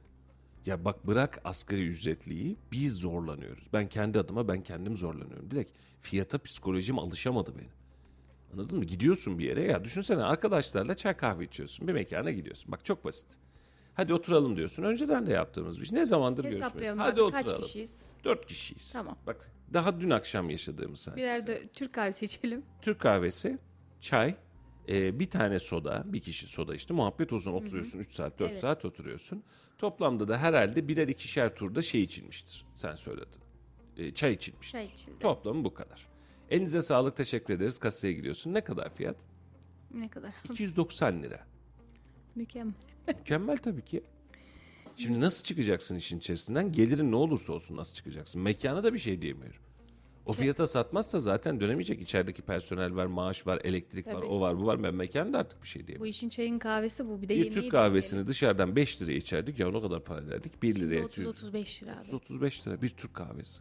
Niye efendim kahve artmış beraberinde maliyetler artmış doğru. 30 liraya 35 liraya en dibi ucuz satanı 25 liraya Türk kahvesi içiyorsun. Dışarıda bir kahve içmenin maliyeti. Hani ma- malum marka var ya şimdi kapısında sıralar olan dakika başı onu gösteriyorlar. Şimdi geçen gün bizim Erdinç de yazmış dinliyorsa kulakları çınlasın. Ee, demiş ki yani işte bakın demiş yani Starbucks'ın önünde markasıyla söyleyeyim bu kadar sıra var. İşte şu kafelerde bu kadar yer var bu kafelerde bu kadar yer var. Çok haklı. Bak çok haklı, çok dolu. Ama bakın üst gelir grubu hala yaşamaya devam ediyor. Şimdi 1 liraya 2 liraya çay satan adamın yerine gidin de bir bakın kaç kişi var. Değil mi? Bak şimdi asgari ücretle çalışmayan, belli bir ticaretle çalışan insanlar tamam rahatım diyor, devam ediyor hayatına. Yemeğini de yiyor. Yani dün itibariyle gittiğinde iki kişinin yemeğine 200 lira para veriyordu. Bugün gittiğinde 500 lira para veriyor. Umurunda değil gidiyor o adam yine. Yani 2000 lirada da sen gidecek o adam. Yani o adamın gelir düzeyi farklı. Ama e, 1 liradan 50 kuruştan çay satılan mekanlara gidin bir tane bir bakın şimdi bakalım ne kadar doluymuş. Valla bir de Düşünsene adam 50 kuruşa çay alıyordu, çay içiyordu, oturuyordu sabahtan akşama kadar ya da 2 saat, 1 saat, 2 saat orada ağzını ayırıyordu. Arkadaşlarıyla beraber oturuyordu, buluşuyordu. 50 kuruş e, çayın tanesi, 4 tane çay içsem 2 lira verir çıkarım diyordu. Şimdi o beğenmediğim mekanda bile çay 1,5-2 lira oldu. Kurtarmıyor çünkü. E, git bakalım kaç kişi oturuyor. Şimdi kendimden örnek vereyim abi. Ben buraya taşınmadan önce Aydın'da yaşarken e, bir mağazada çalışıyordum. E, çalıştım işte yemek aralarında falan gittiğimiz çay ocağı vardı hemen mağazamızın yanında. Evet. Giderdik abi içtiğimiz çay 1 lira. Yıl 2017-2018'den bahsediyorum. Hani 2019'a doğru olan dönemden. E, geçenlerde arkadaşla konuştuk. Çay ne kadar oldu dedim. Çaycı yani sonuçta. Dilek 5 lira oldu dedi. Evet. Dedim ya yapar mı ya şey yapıyorum ismi de Halil dedim ya Halil abi 5 liraya satmıyordur falan. Yok vallahi dedi 5 lira kahve kaç lira dedim 13 lira oldu dedi. İyi dedim uygunmuş. Yani dışarıda 30-35 liraya içtiğin bir Türk kahvesini en azından çay ocağında 30 e, şey 13 liraya içebiliyorsun. Aynen öyle. o da o da geçiniyor. Onlar da anlık parayla kazanan ticaret insanlara Şimdi e, büyük paralarla oturulan ve kalkılan mekanlardaki yoğunluk devam edecek. AVM'leri kendimize baz almaya devam ettikçe de aynı yere çakılacağız. Şehirde bir buçuk milyon insan e, yaşıyor. E, anlıkta 5000 kişi bir AVM'de olursa o ne kadar insan varmış dersiniz. Bu insanlar bir şekilde alışveriş için bu alanlara gidecek. Mecbur gidecek. Gidecek. Çocuğuna bir şey alacak, üstüne kıyafet alacak, çamaşır alacak, çorap alacak, başka bir şey alacak ama gidecek. Şimdi mesela ben bakıyorum, çarşıdaki esnaftan bakıyorum. Abi diyor fiyatlar arttığı için diyor ciroda aynıyız. Yani geçen yıl örnek olarak veriyorum aylık 100 bin lira ciro yapıyorsak bunlar misal. Bu sene de aylık 100 bin lira ciro yapıyoruz. Ama fiyatlar arttığı için. Yani önceden diyor biz bu 100 bin lirayı yapmak için varsın farz mal bin tane ürün satıyorduk. Sürümden Şimdi kazanıyordu. o 100 bin lirayı yapmak için 300 tane ürün satıyoruz. 300 ürün satıyoruz biz yine aynı ciroyu yapıyoruz. Ciro üzerinden kâra baktığın zaman aslında aynı yerdeyiz ama masraflara baktığın zaman zarardayız. Şimdi ciro bandı bakıyorsun. Geçen sene adam atıyorum 20 bin lira 30 bin lira ciro yapıyormuş. Abi müthiş para filan diyormuş. Bu sene 20 bin lira 30 bin lira neyse ya kötü değiliz. Yine aynısını yapıyoruz diyor ama masraflar arttı adet düştü ve satış değişti. Şimdi bunu görmemek için herhalde gözümüzün ama kulaklarımızın sağır filan olması lazım. Buna şey örneğini de verebiliriz abi. İthalat, ihracatı da örnek verebiliriz. İhracatta evet bir şeyler arttı diyoruz. İhracat rakamlarımız arttı. Ama gelin görün ki efendim ihracat bedelleri, navlun bedelleri çok ciddi arttı. Baktığınızda ülkeye giren döviz evet fazla. İhracatta sayımız fazla olabilir ama gider de bir o kadar fazla. Evet. Yani yine o makası kapatmıyor. Aynı şey. Kurtarır tarafımız yok Ee, ama dediğim gibi e, bunu bahane etmek için kendimiz için sebeplerimiz var. Bahaneleri yapıyoruz. Bahaneleri koyunca da aslında her şey çok güllük gülistanmış, ne kadar güzelmiş günler diye bunları konuşmaya devam ediyoruz. Kazın ayağı böyle mi? Böyle olmadığını siz de biz de çok çok iyi biliyoruz. Ama e, bir şekilde e, aslında biz mesela şey vardı. iPhone 14 almak için İstanbul'da e, iPhone Kuyruk e, kuyruğu yapan insanlardan bahsediyoruz. E, bunda anormal bir şey yok ki. 20 milyonluk şehirden bahsediyoruz. Ve Twitter'da çok ciddi te- tepki aldı abi ya bu da çok ilginç. Neden tepki alıyor ki? Parası var ve alabiliyor ve öyle kalbur üstü insanlar var. Aynen Neden öyle. hala kabullenemiyoruz? Bunu da al, aklım Ya almıyor gördüğümüz gerçekten. hadise şu. Bir taraf diyor ki bak diyor sen yok diyorsun memleket kıtlıkta diyorsun. Adamlar iPhone 14 almak için sıraya giriyor diyor. Say abi sırayı baştan sona. Ya olsun 500 kişi olsun Hadi dediğin kardeşim. gibi bu olsun, ülkede 500 500, olsun. tane insan yok Hayır mu? sadece İstanbul içinden bahsedeceğim ben sana. 20 milyon insanın çalıştığı yerde. Bir yerde. Bir yerde iPhone 14 almak için 500 kişi sıra olmuş. Ama bunu gözümüze sokuyoruz. Bak görüyor musun sen yokluk diyorsun. İnsanlar sıkıntıda diyorsun. Adam 40 bin liralık iPhone almak için diyor bu kadar sıra. Allah Allah. Ya bunun neresi anormal? 20 milyon. O şehrin nüfusu 20 milyon. 20 milyonun içerisinde her gece bir mekanda mekanı kapatarak anladın mı? Evet. Yani milyon milyon hesap ödeyen insanlar var. Yatıyla katıyla gezen insanlar var. Kirası 300 bin euroluk yerde, aylık kirası 300 bin euro, 300 bin dolarlık yerde oturabilen insanlar var. Sana niye bu anormal geliyor ki bu kadar? Ve şimdi onları gösterip memlekette bir de yokluk var diyorlar. Bak şuradaki sıraya ne var bunda? Birileri almak istiyor olabilir. Alabilir. Sen mesela 40-50 bin liraya iPhone alan adama sıkıntılanıyorsun, karnın ağrıyor. Geceliği 100 bin liralık odalarda kalan insanlara sıkıntılanmıyorsun. Nasıl olacak Değil bu mi? iş? E var. Hani bunu Kılıçdaroğlu'nun üzerine de attılar biliyorsun. ta Evet. o zaman. Ya o da kalmış olabilir. Ona, benim lafım ona da muayyer. Çok bu, bu anlamda problem değil ama geceliği 100 bin liraya, 150 bin liraya kalınan odalar var kardeşim. Gözümüzün önündeki insanlar siyasiler yapıyor Aynen bunu her öyle. şeyden öte. E sen şimdi bunları görmüyorsun ama iPhone sırasını görünce memlekette yokluk var diyorsunuz ama bak yokluk yok. Böyle bir dünya yok dostlar. Öyle bir şey. Şimdi basit bir şey söyleyeceğim size. Şuradan organizeye gidin. Organizede herhangi bir fabrikanın işçi servisine binin. Binin ya. Giderken ya da gelirken şoförden rica edin binin. Arkadaşlar nasıl geçiniyorsunuz deyin ya. Allah aşkına söyleyin nasıl geçiniyorsunuz? Bir anlatın hele bir de biz dinleyelim deyin. Bu adamlar varlık mı yokluk mu sana bir anlatsınlar istersen sil baştan. Bak bu adamlar devletini, vatanını, milletini satmayan insanlar. Bu adamlar dimdik duruştu insanlar. Bu adamlar sabahtan akşama yani Dilek ben bir 3 ay kadar organize teşvik mesaim oldu bir proje işin için. Gerçekten onların dünyası bambaşka. Saatin 7'sinde kalkıyor. 8'inde mesai başlatıyor. Gün içerisinde birkaç kez mola veriyor. Çay, yemek, sigara molası veriyor. Akşamında 6'sında, 7'sinde, 5'inde evine ancak gidiyor. Sadece evine çalışıyor. Başka hiçbir şey yok. Yani dışarıda bir sosyal hayatı da yok. Uyuyor, sabah uyanıyor, devam ediyor. Cumartesi gün işi olmazsa ya da yarım gün olursa bir nefes alıyor. Ben buradayım diyor, yaşıyormuşum diyor. Ailesini alıyor, hafta sonu bir pikniğe gidebilirse gidiyor. Gidebilirse o da artık o da çok zor da gidebilirse gidiyor. Ve hayatı bundan ibaret. Adam hayatını vakfetmiş resmen ya. Karın tokluğuna çalışmak deniyor ya. Tam anlamıyla karın tokluğuna çalışmak bu. Bu insanlar bu kadar debeleniyor. 5500 lira maaş alıyor. Sonra sen bu insanlara diyorsun ki yokluk diye bir şey yok kardeşim. Bak diyorsun bu kadar insan sırada bu kadar insan kafede diyorsun. Git de bir tane sorsan Allah rızası için. 5500 lira 6000 lira maaş alan arkadaşa gidip bir tane sorar mısın sen nasıl yaşıyorsun kardeşim diye. Bu evi nasıl geçindiriyorsun bu mucizeyi nasıl gerçekleştiriyorsun diye gidip bir sorar mısın ya. Hadi bakalım bu kış nasıl yaşayacak o insanlar. Ama sen şimdi tutuyorsun Starbucks'ta oturan insanlara, iPhone sırası bekleyen insanlara gözünü alıyorsun. Onun sonrasında diyorsun ki bu memlekette yokluk yok. Nasıl yokluk yok ya? Nasıl yok? Bu ülkenin nüfusu 84 milyon insanlar bunu unutuyor. Aynen öyle. Ve bu kadar insanın içerisinde Kayseri üzerinde bir baksana. Lüks mekanlar, AVM'ler vesaire toplasan 10 bin tane adam bulamazsın. Bulamazsın da hadi topla 10 bin tane adam bulamazsın. Peki bir buçuk milyon kardeşim bu şehir. Hadi bunun 10 bin tanesi de var da gitmiyor. Paket servis söylüyor da. E yine bir buçuk milyon bu şehir. De ki 100 bin kişisi böyle yaşıyor. Yine bir buçuk milyon bu şehir. Ve sen şu an asgari ücretliyi yani bizim zaten daraltımız bu, bizim zaten handikapımız bu. Asgari ücretliyi yok sayarak devam ediyorsun. Asgari ücretlinin geçim sıkıntısını görmeksizin devam ediyorsun. Ve ondan sonra diyorsun ki efendim yiyor içiyor adam geziyor bak diyorsun. İyi yapıyor kardeşim var ki yiyor ne diyeyim şimdi. Ama emsal oluyor işte birilerine. E, Twitter'da dediğin gibi bu da gündem oldu. Aman şöyle yapıyorlardı bunlar da ves vesaire. Ne var İlk ki burada? Eskişehir'le başladı. Eskişehir'de kuyruk, Ankara'da kuyruk, İstanbul'da kuyruk. Kayseri'de böyle bir kuyruk olur. ben efendim. sana başka bir şey söyleyeyim mi? olsaydı o da yapar. Varlık ve yokluğun arasını söyleyeyim ben sana. 3,5 liraya ekmek verirken sen 2 liradan kent ekmekten verdiğin için kent ekmeğin önünde de kuyruk oluyor. Evet. Bunu gösterince niye bunu kabul etmiyorsun? Bu da yokluğun kuyruğu. Bak ben sana söyleyeyim şu an itibariyle hadi buyurun iddiasına bir buçuk liraya kent ekmek versin, bir liraya kent ekmek versin, hatta fırın versin. Önünde kaç metre kuyruk olacak oturup beraber sayalım. Ekmek bu. Evet. Yani Yo, bugün bilen 30 adam. bin liraya alırım yarın da 40 bin liraya satarım dediğin telefon filan değil. Ekmek ekmek. Biz burada bunları gösterirken belediyedeki bir takım arkadaşlar dinliyorlarsa kulakları çınlasın. Abi diyor çok üstümüze geliyorsun diyor. Ne yapıyorum kardeşim diyorum. Ben ne yapıyorum üstünüze gelmek için? Ekmek kuyruklarını paylaşıyorsun. Görmeyeyim mi? Gözümü mü kapatayım?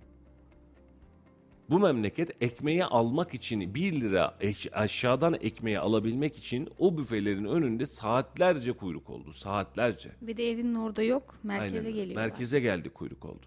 Sen şimdi bunları görme, buradaki yaşananları görme ama işte bilmem bir şey kahvecisindeki e, kuyruğu ya da oradaki kalabalığı gör ve kendini emsal kabul et. Bir tanesi 50 liraya oradan gidip kahve içebiliyor. Bir tanesi de arada 1 lira fark edecek diye bir buçuk saat boyunca sıra bekliyor. Hangisi varlık hangisi yokluk buyurun ördü meydan. Değil mi? Karşılaştırmayı bir de böyle yap. Ama bak şimdi aynısını burada da şunu görmek lazım. Direkt biz şimdi e, buradaki olan kuyruklarda yok canım öyle bir kuyruk yok filan değil miyiz? Var. Var. Bu Var, memlekette olmaz. hala har vurup harman savuran insanlar var. Hele hele gençlerimiz anneden babadan parayı almış. Annenin babanın ne halt ettiği umurunda değil. Cebinde sınırlı ya da sınırsız kredi kartı anladın mı? Cebinde para. Starbucks senin, ora benim, bura senin. Adamın umurunda değil, çocuğun umurunda değil ya. Yani haftada 500 lira para harcamış, 1000 lira para harcamış umurunda değil. Biz çocuklara bu kültürü de veremedik. Zengini fakiri fark etmiyor. Zengininde de ya da durumu iyi olanda da şöyle bir şey var. Çocuğum ezilmesin. Ne yapacak? Starbucks'tan kahve alınca mı ezilmeyecek çocuğun? Yokluk görmesin. Ben gördüm o görmesin. Sen o çocuğu orada 50 liraya 100 liraya arkadaşına kahve ısmarlatırken yani tanesi 50 lira olmuş kahvenin. Vallahi öyle 50 abi. liraya sen orada kahve ısmarlatırken sokakta orada aç açına gezen ya da ayakkabı boyacılığı yapmaya çalışan ya da simit alayım mı acaba param yeter mi acaba diyen çocuğun haline empati yaptıramadın. Bu da problem. Tüketim çılgınlığı. Önünü alamadığımız bir Aynen tüketim öyle. çılgınlığı. Ve özellikle çocuklar gençler hadise olunca benim çocuğum ezilmesin. Ezilmemeye bak. Lüks mekandan kahve almak ezilmemek oluyor. Bunun adı ezilmemek. Kayseri'deki en lüks mekanlarda oturup yiyip içmek. PR yapıyoruz abi. Etiketçilik başladı. Ne yazık ki efendim ne yazık ki Şunu da vereyim abi? İlginç bir haber. Bingöl'den bu haberde efendim Kanadalı e, bir e, iş insanı. Bin, pardon, şey Kanada'da yaşayan Bingöl'lü bir iş insanı memleketinde farklı metrekarelerde bir site yapıyor. E, bu siteye de şey diyor bir tane daireyi bedava vereceğim çekilişle. Evet. E, bu çekilişe 23.700 kişi başvurmuş. Maşallah. 2 artı bir evin e, kurası için İsteydik efendim. biz de katılırdık. Görüntüler de var. Hınca hınç gerçekten. E, bir miting olsa bu kadar dolar mıydı Bingöl'de bir meydan? Onu da düşündüm şu an. E, bir hanımefendiye çıkıyor. Güle güle otursun inşallah. Hayırlı uğurlu olsun. Güzel haberdi yani unutmamış beyefendi. E, bir daha bir aslında şu haberi e, konuşup konuşmamakta çok kararsız kaldım ama Twitter'a girdiysen görmüşsündür. Dün gece gündemimiz maçtan ziyade Bağcılar'da yaşanan bir olaydı. Gördün Nedir? Yok abi? görmedim kardeşim. Bağcılar'da bir e, cani yani başka bir tabiri yok bunun e, madde bağımlısı bir genç annesini öldürüyor kafasını kesip ve bunu camdan aşağı atıyor ve bütün mahalleli de dışarıda. E, sonradan açıklama yapıldı efendim. E, şahıs tutuklanmış ama görüntüler e, sosyal medyada çok ciddi ya- yayıldı. E, sonradan Aile Politikalar Bakanlık e, görüntülere yasak getirdi. Yayınlanması Valla, noktasında. e, Affedersin abi. Estağfurullah. Görüntü 3 ayrı 3 farklı noktadan çekilmiş görüntüler var. Baktım. E, sansürsüz şekilde yayınlanmış zaten. Bu görüntüleri sosyal medyaya yükleyen, böyle bir olay oldu diye yükleyen 3 kişiyi de tutuklamışlar ayrıca. Valla iyi etmişler. Bakın şimdi facia dolu işleri, bu kadar mide bulandıran işleri toplumun gözünün önüne sokmamak lazım. Bu memlekette biraz önce sen de söyledin 80 milyon aşkın insan var. Bunun içerisinde hırlısı, hırsızı, arsızı, canisi, psikopatı, fahişesi hepsi var. Anladın mı? Yani bunu kendimize emsal alıp bunu sosyal medya gündeminde böyle o coşturalım kıvamına yaşatmakta gerçekten sancı.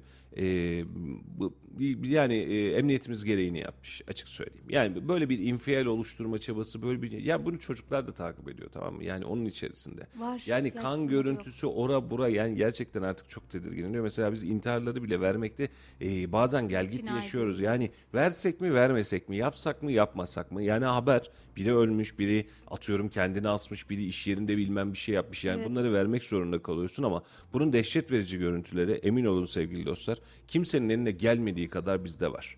Yani kazalar, kanlar, revanlar, kaza sonrası olaylar, intiharlar bunların her birisi var. Peki sonuç yayınlamamın kime ne faydası var? Yani mezbaha gibi görüntüleri kime ne fayda edecek? Yani psikoloji bozulmak. Aynen öyle. Yani şey düşünsene olay yerinde işte dün mesela kaza olmuş misal olarak veriyorum. E, iki kişi hayatını kaybetmiş. Ya bunun eşi var, dostu var, arkadaşı var, beraberindeki insanlar var. Bunu yayınlayarak bir yere ulaşamazsın, ulaştıramazsın da. Ve şu an birileri sosyal medyadan bunu köpürte köpürte buradan reyting elde etmeye çalışıyorsa emniyetimiz bence gereğini fazlasıyla yapmış. Bu kadar kan revanın olduğu görüntüleri paylaşmak ciddi anlamda bence zul. E, bunu biz de yapacak olsak başkası da yapacak olsa bu anlamda birazcık daha dikkatli olmak lazım. Evet. Ee, biraz Kayseri gündeminden konuşabiliriz abi. Tabii ki. Ee, Starlink uyduları geçti dün. evet. Dün gökyüzünde ne oluyor acaba diye bizim sayfamıza da yüzlercesi geldi. İnsanlar demek ki e, hayata böyle şöyle gökyüzüne bir bakayım ne oluyormuş diye bakabiliyormuş. Bu da güzel. E, Starlink uyduları ara ara seriler halde geçiyor. Normalde bir tane geçse hissetmeyeceğimiz uydular seri halde geçince yansımalarını görüyoruz. Böyle sıra sıra deve kervanı gibi gidiyor. E, birileri de yorumunu yapmış İran'a gidiyor falan e, herhalde diye. İran E, açıklaması vardı Elon Musk'ın çünkü. Aynen öyle. Elon Musk'ın Starlink uyduları dünyanın önümüzdeki 10-15 yılında belki de en çok konuşacağımız hadiselerden bir tanesi. Hani biz şu an internet servis sağlayıcılardan bahsediyoruz ya Dilek Evet. işte şu firmadan alıyoruz bu firmadan alıyoruz diye. Yakında Starlink piyasaya girecek ve diyecek ki herkese internet. Buyurun interneti ben vereyim size. Niye? Dağın başında çünkü. Düşünsene Ali Dağı'na Evet. çıkıyorsun mesela. Ya internet çekiyor mu der, derde kalmayacaksın. Tak internet orada da var. Uydular üzerinden, tonlarca uydu üzerinden internet vermeye çalışacak. Dün onun geçişini seyrettik. Ee, birileri korkmuş da olabilir tabii ki. Hatta birileri şey demiş Yunan uçakların filan demiş artık o kadar abartmışlar işi. Bizim arkadaşlar öyle diyor. Savaşa Ee, girdik, Allah haberimiz yok. göstermesin ama Starlink uyduları ara ara dönemde gördüğümüz seri halde gökyüzünden geçen yıldızların yerini çalan yeni yıldızlar, yeni internet yıldızları bu uyduların da dün akşam geçişini görmüş olduk. Buyurun. Evet. Ee, efendim Melik Gazi Belediyesi'nden bir haber var. Dört mahalle için kentsel dönüşüm. Ee, Melik Gazi Belediyesi Ambar, Melik e, Battal Gazi, Kazım Karabekir, Yıldırım Beyazıt Mahallesi gibi dört mahallede yeni dönem kentsel dönüşüm projelerinin başlangıcını yapıyormuş efendim. Palancıoğlu bu noktada kentsel dönüşümün ikinci etap çalışmalarında son noktaya gelindiğini söylemiş.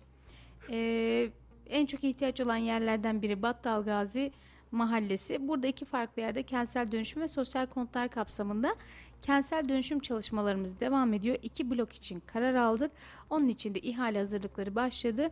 Dolayısıyla tam dört mahallemizde yoğun bir yoğun bir kentsel dönüşüm çalışmalarımızın startını veriyoruz. İnşallah 2023 yılının ilkbahar mevsiminde bu inşaatlarla ilgili temel atma aşamasına geleceğiz. Hayırlı olsun. demiş. Memlekete hayırlı olsun. Kentsel dönüşümle alakalı benim daha önce de söylediğim bir eleştirim var.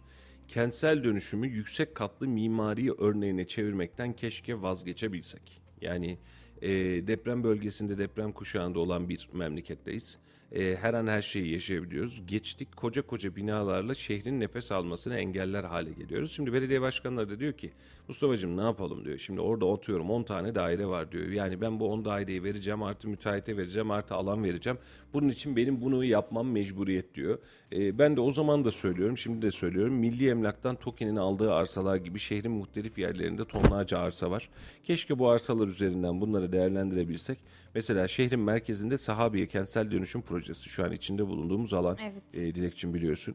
Devasa binalar diktik. Şehrin silüetini bozmaya başladık. Müteahhitler kaçmasa bitirirdik belki şimdiye kadar ama bir müteahhit ben yapmıyorum diyor. Öbür müteahhit ihaleye girmiyor. Şu an ortada kaldı. E, şehrin göbeğindesin, şehrin merkezindesin. E, her biri 18-20 katlı dairelerle, e, bina apartmanlarla şehrin e, ana göbeğini kilitliyorsun. Bakın yarın bir gün e, Allah göstermesin deprem oldu, felaket oldu, afet oldu, savaş oldu. Bunların her birisi olabilecek durumda. Bu insanlar aşağı inse sığınabilecekleri ve sığabilecekleri parkları yok. Evet. Yani ben mesela Talas'ta aynısını yaşıyoruz ya. Talas'ta yarın bir gün deseler ki inin aşağı kardeşim yani. Akşam saat 9. İn aşağıya. Toplanma Herkes insin aşağı. Toplanma alanı boş ver. Yukarıdaki insanı aşağı indirsek, indirsek yolda yürüyecek yer kalmıyor. Bu kadar sıkış sıkış sıkış sıkış dairelerin yapıldığı, binaların, apartmanların yapıldığı yerde Ahmet Davutoğlu ilk başbakan oldu. İlk açıklamalarından bir tanesiydi. Bundan sonra dedi Türkiye yatay mimariye geçecek dedi. Bak bizim de en büyük hevesimizdi. Oh dedik yatay mimariye geçeceğiz. Kurtaracağız biz bu işi. Hala dikey mimariyi devam ediyoruz. Bunun da sebebini kentsel dönüşümün rantından bahsediyoruz. Ya kardeşim burada insanların yeri var mı? Var. Al. Bu insanlara farklı yerlerden yerler ver. Kazancını farklı yerlerden ver. Yay birazcık insanları. Ama yaymıyoruz. Her yerde 10 katlı, 12 katlı, 15 katlı, 18 katlı daireler, binalar yerleştire yerleştire gitmeye çalışıyoruz. Ve şehrin hem nefes alma duygusunu hem süliyetini bozuyoruz. Merkeze biriktiriyoruz. Civara doğru gitmiyoruz. Ya bak şuradan işte Argıncık, e, sen Evet. biliyorsun. Argıncık, Talatpaşa, Buğdaylı bu tarafa doğru gittiğinde devasa bir alan var. Devasa, dümdüz. Dümdüz. Kullanamadık, duruyor. E dönüyorsun bu tarafa mesela Talas müthiş. Talas Talas'tan çık tamam mı? E, Zincirlere, Endürlük, Evet. Başakpınar. Bu bölgeyi bir hesap et. Deli devasa alan var. Bu uzak bir alan değil. E var. E, Kullan. da kullanamıyoruz. yol gidiyor zaten. Şimdi dönüyorsun ince suya doğru. Önünde müthiş derecede bir ova var. İstediğin yere bina yapabilirsin. Yer var. Yok. Yamulu'ya doğru git. Yer var. Orada da yok. Erkilet'e doğru git. Allah aşkına. Şimdi Erkilet'te ana yolun üstündeki her yeri doldurduk. Civar yan taraflara doğru git. Evet. Boş. Erkilet'in üstüne çık. Boş. Ve çok da güzel, nefis bir havası var. Ve şimdi insanları biz buraya taşımamak için tutuyoruz. Bulunduğu mesela Battalgazi kötü bir bölge mi? Evet kötü bir bölge. Düzenlenmesi lazım. Kentsel dönüşüm yapılması lazım. Kabulüz kardeşim. Yapalım hemen yapalım. Ama yüksek yüksek binalar çıkmaya başlıyoruz. Bu da belediye başkanlarımızın tek başına problemi değil. Yani eleştirim şu an Melik Gazi Belediye Başkanı'na, Koca Sinan Belediye Başkanı'na değil. Yani bunun e, toplumsal olarak kanuni düzenlemelerle belki de aşmamız gerekiyor. Kentsel dönüşüm dediğiniz hadise yerinde dönüşümdür kabul. Yerinde dönüşümü şimdi sahabeye düşünsene 3 katlı 4 katlı mis gibi binalar var. Yapsana 3 katlı 4 katlı devam etsin. Böyle çiçek gibi bir yer olsun burası. Hatta elit olsun mümkünse de. Yani öyle bir proje yap ki mesela o tarla başında yaptılar mesela çok enteresan bir konseptle iş yaptı. Şimdi 4 katlı 5 katlı sen saha bir yeri bir e, konut sokak projesi yap. Bunun içerisine oteller koy, işletmeler koy anladın mı? Evet, Malzemeler koy. İnsanlar keyifle ha desin ki ya şu an itibariyle benim şu kötü ev kaç lira eder? 500 bin lira eder. Bunlar bana bir tane ev verecek hatta yarım ev verecek ama yarım evin bedeli bir buçuk milyon desin. E dedirt bunu. Mümkün değil mi? Yani şimdi şöyle düşün Dilekçim basit bir şey söyleyeceğim sana. Şu an Sahabiye'de e, kentsel dönüşüme giren evler. Evet. Elini tutsan kentsel dönüşüme girmemiş olsa, böyle bir rayiş olmamış olsa 500-600 bin liraya alınır mı bu evler? Alınır. Alınır. Alınır mı Ahmet? Tabii. Alınır. Çünkü niye? Kötü ev. Yani yıllanmış ev artık ömrünü Evet. doldurmuş. 500-600 hadi bilemedin 700. Alırsın bu evi. Sen şimdi bu evin yerine desen ki sana yarım ev veriyorum. Çeyrek ev veriyorum. Ama bu evin fiyatı 4 milyon. Mümkün mü? Mümkün. Bak şimdi 5 Şehrin 1 milyon göbeğinde. 1 milyon etmeyecek evlerini aldık vatandaşların. 1 milyon etmeyecek evlerini Evet. aldık. Şimdi e, yeni yaptıkları yerde 2 milyon civarında fiyattan bahsediyorlar. 2 2,5 milyon civarında fiyattan bahsediyorlar. Alan satan var mı bilmiyorum. 2 milyon. Peki biz bu adamın şimdi mağduriyetini mi gideriyoruz, zenginleştirmeye mi çalışıyoruz? Halbuki bu insana daha az katlı bir yer verseydiniz, o evin fiyatı da o zaman böyle çok kaliteli bir yapıyla 4 milyonluk, 5 milyonluk daireler olsaydı, insanlar da rahat rahat 3 kişi bir daireye girseydi mesela. Alan alsın ya da parasını verseydik. Ki mesela şeyde konuşuyoruz abi böldüm ama e, şehrin bu kadar merkezinde olup bu kadar yüksek katlı yapıp burayı sen insanlarla doldurursan bunun otoparkı var, bunun trafiği var, bunun yazı var, kışı var. Ya şehrin merkezinde, memleketin hiçbir yerinde, şehrin merkezinde bu kadar daire olmaz. İnsanların oturacağı yerler şehrin merkezinin dışına kaçırılır. Evet. Şehrin merkezinde ofis yaparsın, iş yeri yaparsın, otel yaparsın, bir şey yaparsın. Böyle böyle devam ettiririz. Şehrin merkezi ya. Etmeyin. Yani şöyle bir şey düşünebiliyor musun mesela? İstiklal'de tarla başını yıkıyorlar peki yerine 28 katlı gökdelen dikiyorlar. Dikemezler miydi? Dikebilirler. Ama dikmiyorlar. Şehrin merkezinde ev olmaz. Şimdi mesela Şişli'de gidiyorsunuz atıyorum e, 20 katlı 30 katlı binalar görüyorsunuz. Tamam çok güzel ama otel. Anladın mı? Yani şehrin merkezine konut yapılanmasını yoğunlaştırmazsın. Şehrin çeperine doğru gidersin Tabii ki. konut yapılanmasını. Şehrin merkezine ekonomi merkezi yaparsın, iş merkezi yaparsın, merkezi turizm yaparsın. merkezi yaparsın. Ve biz öyle bir proje çıkarttık ki sahabeyi kentsel dönüştüreceğiz. Hadi dönüştürelim. Binalar kötü. Hadi yapalım. Ne yaptığımızı bilmiyoruz. Daha birinci etabı bitiremedik. İkinci etabı kazıdık. ikinci etaba müteahhit bulamadık. Üçüncü etabı bir taraftan da yıkmaya çalışıyoruz. Belki de 20 yıllık, 30 yıllık proje haline geldi. Sahabiyenin dönüştürülmesi. Halbuki bunun yerine daha nitelikli 4 katlı 5 katlı yerler yapabilseydik. Bu insanlar deseydik ki kardeşim evin kaç para? Piyasa rayışı 500 bin lira 800 bin lira 1 milyon lira. Al şu paranı deseydik. Şu paranı al ya. Al şu paranı hadi git deseydik. Bundan daha ucuza çıkardık biliyor musun Dilek? Evet. Bak müteahhite deli gibi para vermedik mi kardeşim? Biz verdik. Ne aldık ki elimize? Müteahhite verdik parayı. Şimdi müteahhite bu kadar vereceğim parayı o gün itibariyle 200 bin lira 300 bin liraydı sahabiyedeki yani başladığında 200 bin liraya çok rahatlıkla sahabiyede ev alınabiliyordu. 200 bin lira gel kardeşim al şu 200 bin liranı hadi. Yani kentsel dönüşümün kanunu değiştirirseniz bunu yapabilirsiniz. Değiştiremezseniz birilerine rant oluyor. Neye rant oluyor? Belediyeye rant oluyor kardeşim. Müteahhite rant oluyor. Bölgedeki insana rant oluyor. Niye? Belediye diyor ki ben buradan bunu yaparım. Buradan da diyor kendime diyor atıyorum 20 tane fazladan daire çıkartırım. Bunu da satarım. Buradan da gelir elde ederim. Derdimiz rant olmamalı ki. Derdimiz para kazanmak olmamalı ki. Nitelikli iş yapmak olmalı. İsmi kentsel dönüşüm. Aynen öyle. Yani bunu yaptığınız zaman, parselizasyonu verdiğiniz zaman ve dikey mimariden çıkmaya başladığınız zaman iş nefes alacak. Yoksa 8, 10, 20, 30 katlı binalarla, apartmanlarla biz bu işin içerisinden çıkamayız. Çıkamıyoruz da kentsel dönüşüm değil, rantsal dönüşüm oluyor. Memlekette nefes almıyor. Çok güzel bir kanun çıktı kentsel dönüşüm diye deprem önleme için yapılan bir işti. Evet. Şu an bu kentsel dönüşümü şehir süliyetini bozabilecek, şehir mimarisini bozabilecek salak saçma işlerle baş başa bırakıyoruz. Mesela sosyal konut projesi de yatay, mim yatay mimariye uygun yapılacak. Ya bak TOKİ'nin yaptığı işlerde geçen Karpuz Atan'daki yerin önünden geçtim arkadan giderken. Kosmon'a doğru gidiyordum. Ya müthiş. Gerçekten müthiş. Niye biliyor musun? Adamlar 3 katlı 4 katlı yapmış. Çiçek gibi de olmuş böyle. Bahçesi var, şekli var, şemali. Ya bundan daha güzel bir şey olabilir mi ya? İnan yani apartmanda oturan birisi olarak böyle bir yerde oturmayı tercih ederim ben. 3 kat. İniyorsun. Daha dinginsin, daha sakinsin. Bir de mesela biz bunu pandemide yaşamadık mı abim? Yok. Ee, şu an baktığımızda müteahhitler daha çok villa ağırlıklı bahçeli ev yapıyorlar. Ee, bizim zaten şeyimiz de buydu ya. Ee, biz apartmanlarda sıkıldık 14-15. kattan yani Allah korusun bir deprem olduğunda inemiyorsunuz efendim. Tepede kalıyorsunuz. Ya işin bu kısımları hiç düşünülmüyor. Dediğin gibi kentsel dönüşüm depreme dayanıklı, e, yeniden sıfırdan inşa edilen eski evlerin yeni yapılan binalar. Siz bunu kalkıp 15-18 katlı yaptığınızda efendim bir faydası yok. Evet. Altyapınız, otoparkınız, e, trafiğiniz, caddelerinizin genişliği buna müsait değilse merkezde böyle bir girişime giremezsiniz, girmemelisiniz. Baktığımızda Sahabiye kocaman bir mahalle abi hepsi taş çatlasın 5 katlı binalar. Evet. Yani buraya siz 20 katlı bir bina yapacağınıza komple ya komple yıkıp her birini yine beşer katlı yapın. 8'er katlı yapın Bozantı'daki gibi. Yani 8 katlılardan yapın hadi yani 10 kat olmasın ama. Yani böyle bir şey yaptığınızda da o insanlar yine aynı nüfusu orada tutacaksınız. Belki güncel nüfusun yerini değiştireceksiniz evin değeri arttığı için. İnsanlar belki e, oturdu 15. kattan ya ben orada oturmayacağım artık şuradan ev alayım sahabiyede oturayım diyecekti. Şimdi o çalışma zaten bitmedi. Orası ayrı bir olay ama dikey mimarinin de bir artısını görmüyoruz. Şimdi Eğer dikey mimarinin bir artısını görseydik sosyal konutta zaten Cumhurbaşkanı ısrarla yatay mimari yatay mimari deyip de bu yeni ilk evin projesiyle de yatay mimari üzerine bir ev bir proje e, açıklamazdı. aynen öyle. Bak şimdi bir kardeşim yazıyor. E, şu anki kentsel dönüşüm yerlerinde ofisi var. Abi e, yola çıkıyorum. Orada bir ikamet eden birisi olarak binaların içi o kadar kötü ki yıktıkları binalar belki de daha iyiydi diyor. Anladın mı? Şimdi ev TOKİ mimarisi, TOKİ mimarisi bile ondan hatta çok çok daha kaliteli kalıyor. Mimari olarak tadı yok. İnşaat işçiliği olarak tadı yok. Devasa devasa binalar var ve yarın bir gün bak şunu göreceğiz çok fazla değil.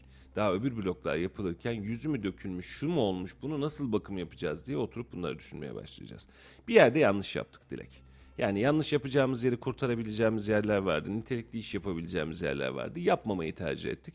Şu an itibariyle hala çok geç değil. Bence yapılabilir. Bence Devam- yapılmalı Devam da. edilebilir değil Aynen öyle. Mesela Yani- yatay mimar gibi bu kadar yüksek Tabii ki. değil ama. Tabii ki. Yani e, bu kadar yükseğe çıkmanın hiçbir anlamı yok. Devasa binalar yapmanın hiçbir anlamı yok. Tayyip Bey de geldiğinde yanlış hatırlamıyorsam buranın bu e, üst çıkan katlarıyla alakalı da eleştirilmişti. Hatta bundan sonra da kat azaltıldı buradaki hadisede.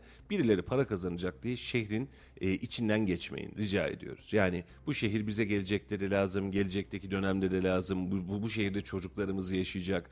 Yani böyle şey gibi e, Moskova banyoları gibi tamam mı? Yani böyle dip dibe dip dibe dip dibe binalar ne yapıyoruz abi ya? Ne yapıyoruz? Ne gerek ya? Kayseri'de bir 5 milyon nüfus yok yani bu kadar yükseğe gerek yok. Hayır Kocaman illa arazimiz var abi. nitelikli yap. İşini nitelikli yap. Saat satıyorsan götür buradaki insanlara de ki kardeşim yani kanunen de bunun önünü aç ya. Sana ne kadar evinin bedeli, rayiç bedeli neyse ben bunu vereceğim. Kaç lira kardeşim senin evinin rayiç bedeli? 500 bin lira. Al 500 bin lira. Çık arkadaş. Ha çıkmak istemiyorsun. Ben burada da devam etmek istiyorum. Tamam yeni ev 5 milyon. 5 milyon. Yani bunu nitelikli yaptığımız için 5 milyon. Sana dandik de yapabiliriz. Ev istiyorsan da sana Toki'den bir ev. Git şuraya otur. Git karpuz atına otur mesela ya. Örnek veriyorum. Git öbür tarafa otur. Yapacak bir şey yok. Ama kanuni olarak yani işte tamam mülkiyet hakkı diyorsun vesaire diyorsun ama kentsel dönüşümde zaten mülkiyet hakkının bir adım ötesine geçiyorsun. Evet. Kentsel dönüşümde diyorsun ki sana kira bedelini ödeyeceğim ve sen anlaşmak zorundasın. Hani anlaşmıyorum ben vermiyorum deme şansın yok kentsel dönüşüm olunca. Vermek zorunda kalıyorsun eninde sonunda. E o zaman aç önümü. Ben de aklı başında şehrimin merkezinde çiçek gibi yer. Yani şöyle düşünsene Dilek. Sahabiyenin tamamında dört katlı e, böyle şey gibi e, nasıl söyleyeyim e, Kadıköy gibi, Caddebostan gibi böyle mis gibi yerler yap. Tamam? İnsanlar dingin dingin otursun, ofisler olsun, iş merkezleri olsun, evler olsun, gezilecek alanlar olsun, parklar olsun. Çiçek gibi bir yer yap içini. Tamam mı? Sular olsun işin içerisinde. Ve diyelim ki ya burada oturmak bir prestij meselesi ya da burada ofis olmak bir prestij meselesi. Dışarıda bir milyon aldım, burada 3 milyon kardeşimde. O zaman da pazarlamanın derdine bak. Mesela çok doğru bir yere değindin abi. Ee, mesela kendi oturduğum mahalle için söyleyeyim. Argıncı'nın sonu Cırgalan yani şeye çok yakın Mazaka'ya çok yakın Talatpaşa mahallesi. Mahalle dümdüz. Abi bizim mahalle bomboş baktığımızda çok geniş ve dümdüz araziler. Yani yokuş olmayan, da, e, taşı olmayan, kayası olmayan. E, ama mesela Argıncı'nın bir dönüşüme girmemesiyle birlikte bizim oralarda bir yatırım yok ki ben evden araçla söylüyorum abi. Gerçekten taş çatlasın 10 dakikada buradayım. Evet. Otobüsle 15 dakikada ofisimin önündeyim. Ki mahalleyi geziyor yani komple Argıncı'nın içinden geçtiğini düşünün. Dinleyicilerimiz için söylüyorum. Uzak bir yerde değil. Baktığımızda yani siz sahabiyede bu kadar yüksek bir dönüşüme girecekseniz yapacağınız yer sahabiye değil. Başka yer. Aksine daha çevrelere kaymak. Aynen. Mesela Zümrüt'te Yakut'ta yaptılar. bunu. Bak şimdi Erkan bir şey yazmış. Yatay mimaride Eskişehir bağlarını yaptılar. Her seçim dönemi insanlara bir kat daha verdiler. Ardına son seçimde imar barışından teras verdiler. Sonunda bir gece kondu önleme bölgesinden yeni bir gece kondu Evet. bölgesi oluşturdular diyor. Doğru söylüyor Erkan.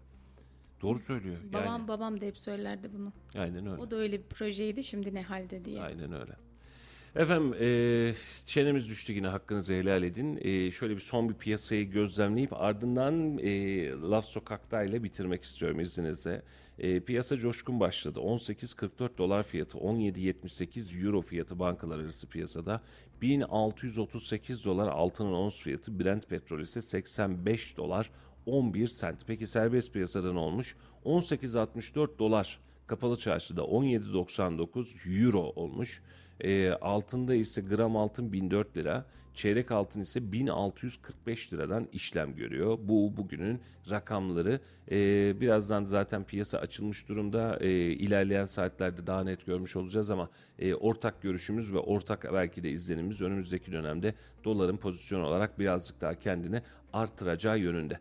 Peki Laf Sokak'ta ekibi ne yapmış? E, vatandaşlara artan hayat pahalılığında hangi tüketim ihtiyacınızdan vazgeçtiniz diye sormuş.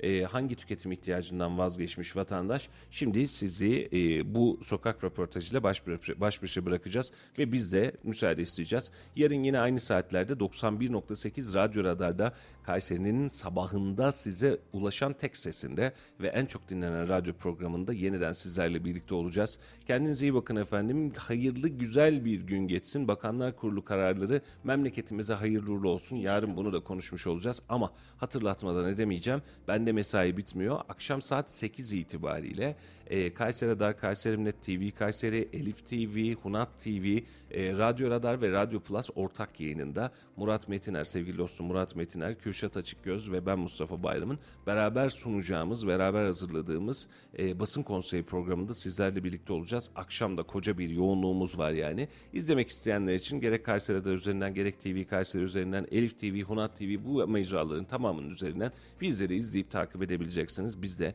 memleketin gündemiyle alakalı önemli başlıkları sizler için bu platformda tartışmış olacağız. Akşam yeniden görüşeceğiz ama eğer ola ki akşam müsait olmazsanız sabah yine aynı saatlerde burada olacağız efendim. Yarın yeniden görüşmek üzere. Hoşçakalın. Hoşçakalın.